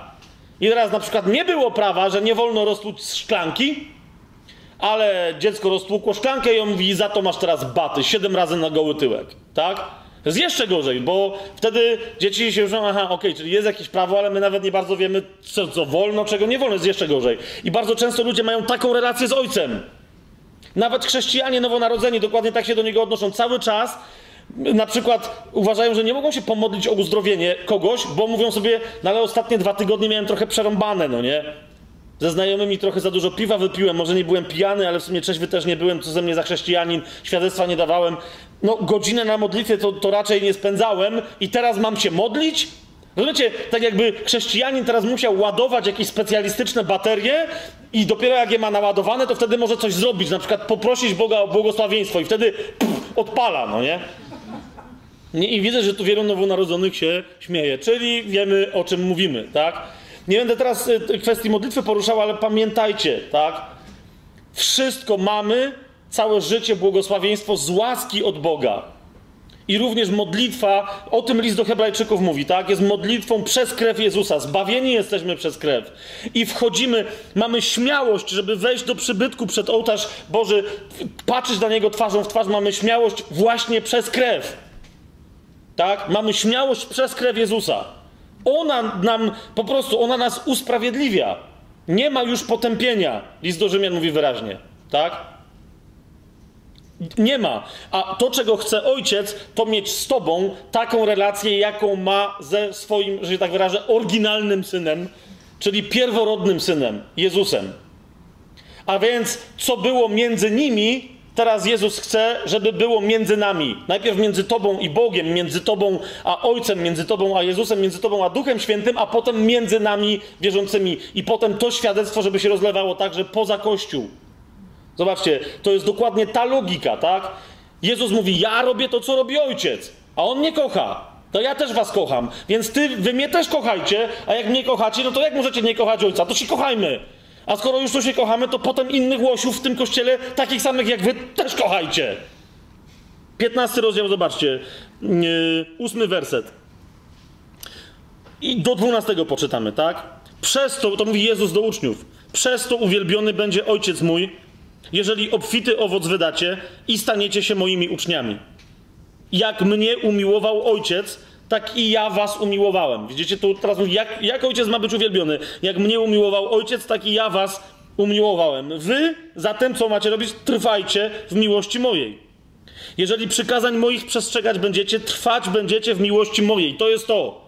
Jakie są przykazania, to już wiemy, tak? Trwajcie w nich jak i ja przestrzegałem przykazań Ojca mojego i trwam w miłości Jego. To jest cały czas to. Naśladujcie. Co naśladujcie? Relacje naśladujcie. Nie patrzcie na to, co Bóg zostawia jako instrukcję, jako na prawo, bo potem jak ty, rozumiesz, coś zrobisz nie tak, to masz wryj. Naśladuj relacje, to jest prawo. Nie naśladuj prawodawcy. Zrozum, że jesteś poza prawem, jesteś pod prawem, bo jesteś wreszcie w domu kochającego ojca. W tym domu nie ma strachu, rozumiesz, że coś zrobisz i się okaże, że zaś coś jest, się ojcu nie podoba. Nie ma strachu w tym domu. Jest całkowita pewność.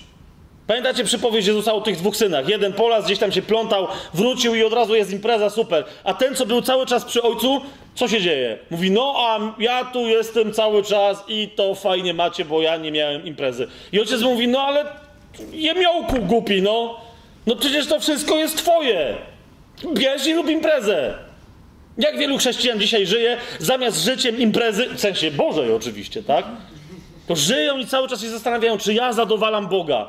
To gdzie jest ta twoja dobra nowina? Przestań zadowalać Boga. Zacznij się zadowalać Bogiem.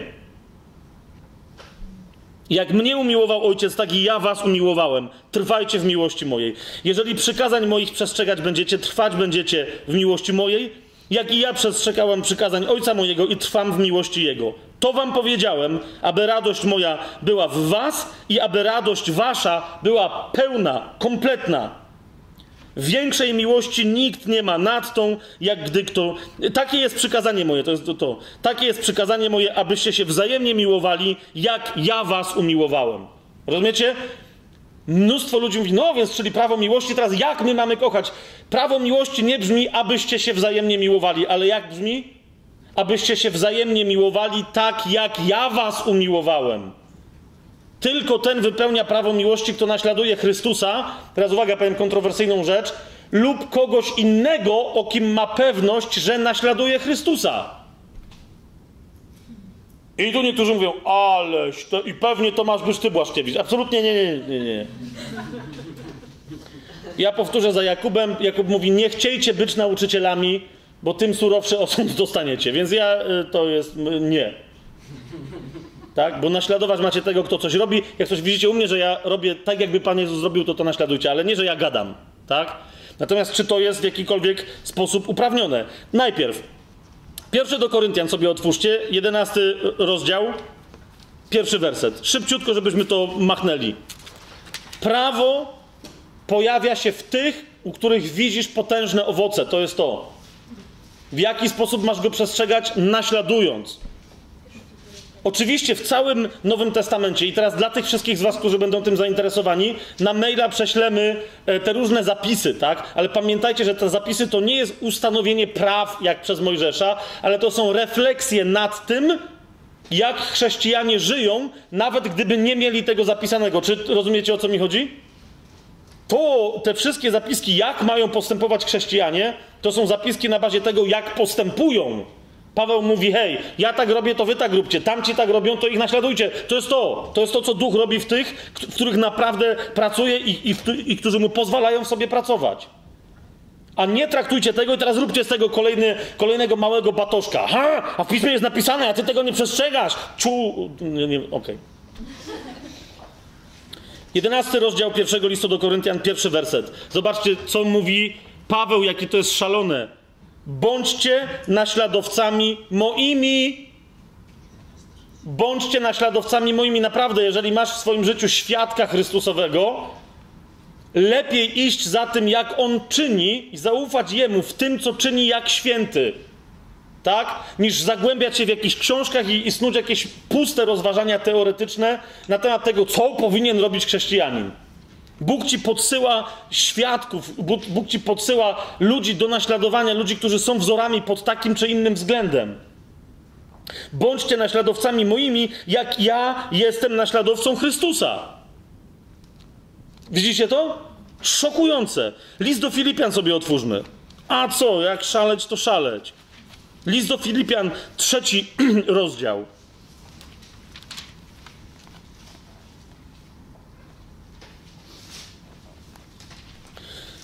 Od 12 wersetu będziemy czytać aż do 17. Zwróćcie uwagę, Paweł mówi, ale to o co chodzi? Bo ja jestem taki doskonały? Bo tam też mówi o tym, żeby go naśladować. On mówi, nie, nie o to chodzi. Ale jestem przekonany, że naprawdę jak się da, tak gonię, no nie? Zobaczcie, od, od 12, roz, trzeci rozdział listu do Filipian, od 12 wersetu. Nie jakobym już to osiągnął, mówi Paweł, albo już był doskonały, ale dążę do tego, aby pochwycić, ponieważ zostałem pochwycony przez Chrystusa Jezusa. I to dążenie już jest, rozumiesz, wystarczające, żeby naśladować Chrystusa. Bracia, ja o sobie samym nie myślę, że pochwyciłem, ale jedno czynię, zapominając o tym, co za mną i zdążając do tego, co przede mną, zmierzam do celu, do nagrody w górze, do której zostałem powołany przez Boga w Chrystusie Jezusie. Ty sobie też to uświadom. Zbawienie, życie wieczne to jest dopiero początek, a masz jeszcze nagrodę w górze. I o tym mówi Paweł, żeby w tym go naśladować. Ilu nas wtedy jest doskonałych? Wszyscy tak myślmy. A jeśli o czymś inaczej myślicie, i to wam Bóg objawi. Tylko trwajmy w tym, co już osiągnęliśmy. I widzicie, w tym kontekście Paweł jeszcze raz powtarza: bądźcie naśladowcami moimi, bracia, i patrzcie na tych, którzy postępują według wzoru, jaki w nas macie. Widzicie o co mi chodzi? Tu Paweł mówi to samo: mówi, bądźcie naśladowcami moimi, ale jeżeli niektórzy z was mnie aż tak dobrze nie znają, to naśladujcie tych, którzy naśladują mnie, bo ja naśladuję Chrystusa, więc to jest dobry wzór dalej. Jasne? Wstrząs. Pierwszy Jana sobie otwórzmy, yy, pierwszy rozdział. Widzicie, i to jest to, dlaczego, yy, jak w całym tym liście mówi Jan, yy, w tym swoim pierwszym liście, mówi o miłości, że Bóg jest miłością i my mamy życie przez wiarę, ale że mamy kochać swoich braci. Jeszcze raz, yy, na samym początku, w pierwszych po prostu wersetach, tak? Dosłownie. Pierwszy rozdział, wersety 1-4, mówi o czym? Że liczy się to, co, co, jakie jest czyjeś doświadczenie, i to doświadczenie drugi ma przejąć. Patrzcie, co się dzieje. Co było od początku, mówi Jan. Co słyszeliśmy, co oczami naszymi widzieliśmy, na co patrzyliśmy i czego ręce nasze dotykały.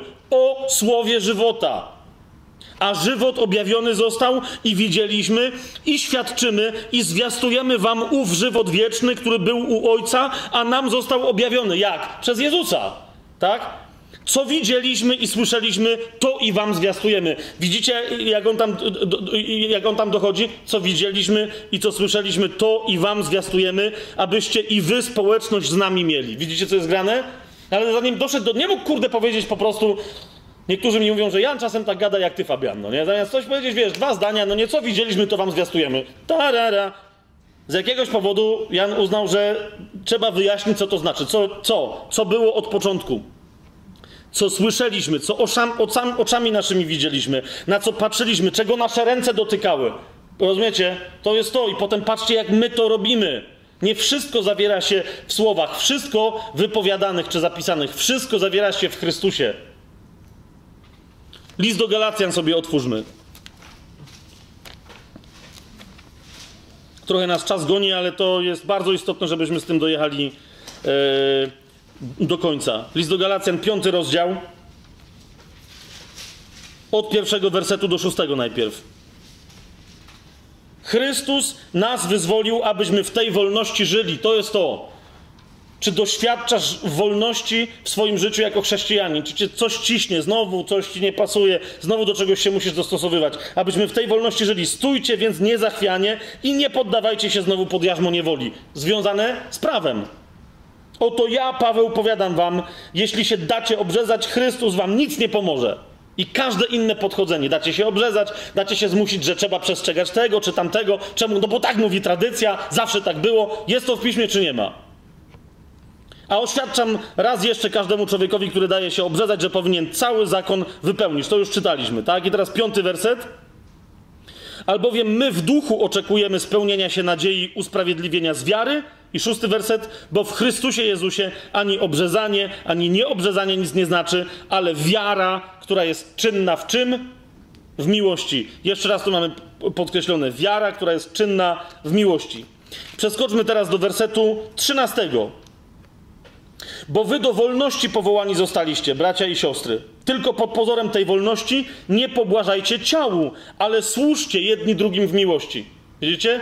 Wolność nie jest wezwaniem do poróbstwa, tak? I dalej, albowiem cały zakon streszcza się w tym jednym słowie, mianowicie w tym będziesz miłować bliźniego swojego jak siebie samego. I teraz przeskakujemy dalej 16 werset. Mówię więc, według ducha postępujcie, a nie będziecie pobłażali rządzy cielesnej. To jest to. Żadne przepisy zewnętrzne ci nie pomogą. Dbaj o ducha, a nic do ciebie ciało nie będzie miało. Nie, rozumiesz, nie skusi cię. Nie, będzie, nie będziesz pobłażać żadnej rządzy cielesnej.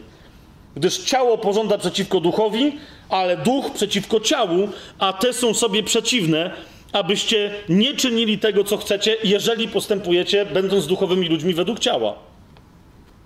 Jeżeli duch was prowadzi, nie jesteście pod zakonem. I nie wracajcie tam. Dlaczego? Widzisz, to jest bardzo istotne. Bo wtedy, wchodząc na powrót pod zakon, tracisz ducha. Nie, że go stracisz, ale go wygaszasz. Nie masz mocy od niego. Tak? Zaczynasz znowu zasługiwać. I tam potem Paweł wyjaśnia, jakie są y, uczynki ciała. I mówi wyraźnie w 21 wersecie, że ci, którzy te rzeczy czynią Królestwa Bożego, nie odziedziczą, Owocem zaś ducha, i po tym poznasz, czy jesteś pod prawem, czy w duchu. Owocem zaś ducha są miłość, radość, pokój, cierpliwość, uprzejmość, dobroć, wierność, łagodność, wstrzemięźliwość. Przeciwko takim nie ma zakonu. Jasne? I tu zakończmy listem do Rzymian. W 14 rozdziale się pojawia, to już będzie ostatni fragment, ale do tego zmierzałem. Bo dopiero w tym, w tym zaczynamy rozumieć, co, jest, co, co się dzieje. Ponieważ nie ma przepisów, istnieje pewna zgoda. To jest to, o czym mówi Paweł. Istnieje pewna zgoda wśród tych, którzy żyją w duchu. Jak masz wątpliwość, czy to, co chcesz zrobić, decyzja, którą chcesz podjąć, tak? Czy jakiś zwyczaj, który masz w życiu, czy masz go zostawić, czy masz go zmienić, przyjdź do kościoła, tam się spytaj. Ale nie do jednego gościa z kościoła, który zacznie ci tam coś bredzić, tak? Eee, się może okazać, że jest kolejnym nauczycielem prawa mojżeszowego. Przyjdź do kościoła, pytaj się różnych ludzi w kościele. Hej, czy to jest wolność Chrystusowa, jeżeli robię to, albo chcę zaniechać tego, albo chcę podjąć tamto? Ok? O tym między innymi mówi, mówi Paweł właśnie w liście do Rzymian. Mówi, to jest to, nie, nie podcinajcie siebie nawzajem. Rozumiejcie, że ludzie na różnych etapach mogą mieć różne fazy swojej wiary. Zobacz, 14 rozdział od pierwszego wersetu. A słabego w wierze przyjmujcie, nie wdając się w ocenę jego poglądów. I teraz, mimo tego, co my tu powiedzieliśmy, że wolny chrześcijanin nie musi się przejmować prawem mojżeszowym, przepisami pokarmowymi, przepisami na temat szabatów i tak dalej, ale patrzcie, co tutaj pisze Paweł. To jest miłość, tak? Jeden wierzy, że może jeść wszystko, słaby zaś jarzynę jada. Niechże ten, kto je, nie pogardza tym, który nie je, a kto nie je, niech nie osądza tego, który je, albowiem Bóg go przyjął. Kimże ty jesteś, że osądzasz cudzego sługę? W sensie to jest Boga yy, sługa, a nie twój. Czy stoi, czy pada, do Pana swojego należy. Ostoi się jednak, bo Pan ma moc go podtrzymać. Jasne? Jeden robi różnicę między dniem a dniem, drugi zaś każdy dzień ocenia jednakowo. I niechaj każdy pozostanie przy swoim zdaniu. Kto przestrzega dnia, dla Pana przestrzega. Kto je, dla Pana je. Dziękuję bowiem Bogu. A kto nie je, dla Pana nie je i też Bogu dziękuję. Bo jeżeli żyjemy, dla Pana żyjemy, a jeżeli umieramy, dla Pana umieramy. Przeto czy żyjemy, czy umieramy, pańscy jesteśmy. Czy to jest jasne? I teraz w tym kontekście zwróćcie uwagę, co się dzieje. Skąd ktoś więc może wiedzieć, czy popełnił grzech, czy nie? Bo to jest wstrząsające, ale widzicie, niektórzy mówią, a to jest wyjątek, tu się Pawłowi coś machnęło. Nie, nie, nie, nie, nie. Na końcu tego rozdziału 14 w liście do Rzymian 22-23 werset. Grzechem jest nie to, co ktoś uważa z zewnątrz, bo mówicie, a to jest napisane, a nie, nie. Co mówi Paweł? Przekonanie, jakie masz, zachowaj dla siebie przed Bogiem. Szczęśliwy ten, kto nie osądza samego siebie za to, co uważa za dobre. Lecz ten, kto ma wątpliwości, gdy je, jest potępiony, bo nie postępuje zgodnie z przekonaniem. I tu uwaga, pojawia się dosłownie definicja. Wszystko zaś, co nie wypływa z przekonania, jest grzechem. Ok? Wszystko, co nie wypływa z przekonania, jest grzechem. Oczywiście, jak ktoś ma przekonanie, że ma kogoś drugiego zabić, tak, to, to y, jak właśnie pierwszy list Janowy nas o tym poucza, jest tylko dowodem na to, że ten ktoś się nie narodził na nowo, tak? Po prostu. Jeżeli ktoś e, czyni tego typu rzeczy, ale jest nowonarodzony, wie, że robi źle. I odpada od wiary, i wtedy Kościół wyraźnie jedno upomnienie, tak, w cztery oczy, potem e, wraz z drugim bratem czy siostrą, potem go prowadzisz przed, przed cały Kościół, a jeżeli nie, niech ci będzie jak poganin i celnik, tak? Ale nadal nie chodzi o to, co kto widzi z zewnątrz, ale to, co widzisz ty, tak? Parokrotnie w kościele już się spotykałem z takimi rzeczami. E, jedna nowonarodzona siostra, całkiem nawet niedawno, tak? E, przyszła po, do e, dosyć tak kuso, że się tak wyrażę, ubrana. Jest ciepło, lato, kobiety są dzisiaj różnie ubrane, tak? I ktoś tam potem miał problem z tym, mówi, że ty, słuchaj, ale może, wiesz, trzeba by ją było upomnieć, no nie? Bo jej tam wszystko widać gdzieś, tak? Spokojnie. Jak się z nią spotkasz za dwa miesiące, czy, czy zobaczysz, co się będzie działo, jak Duch Boży w niej. Ona dopiero z wody chrztu wyszła. Tak? A problem natomiast polega na tym, że ty, kurde, ile jesteś już ochrzczony i co? Na co się gapisz? Rozumiesz?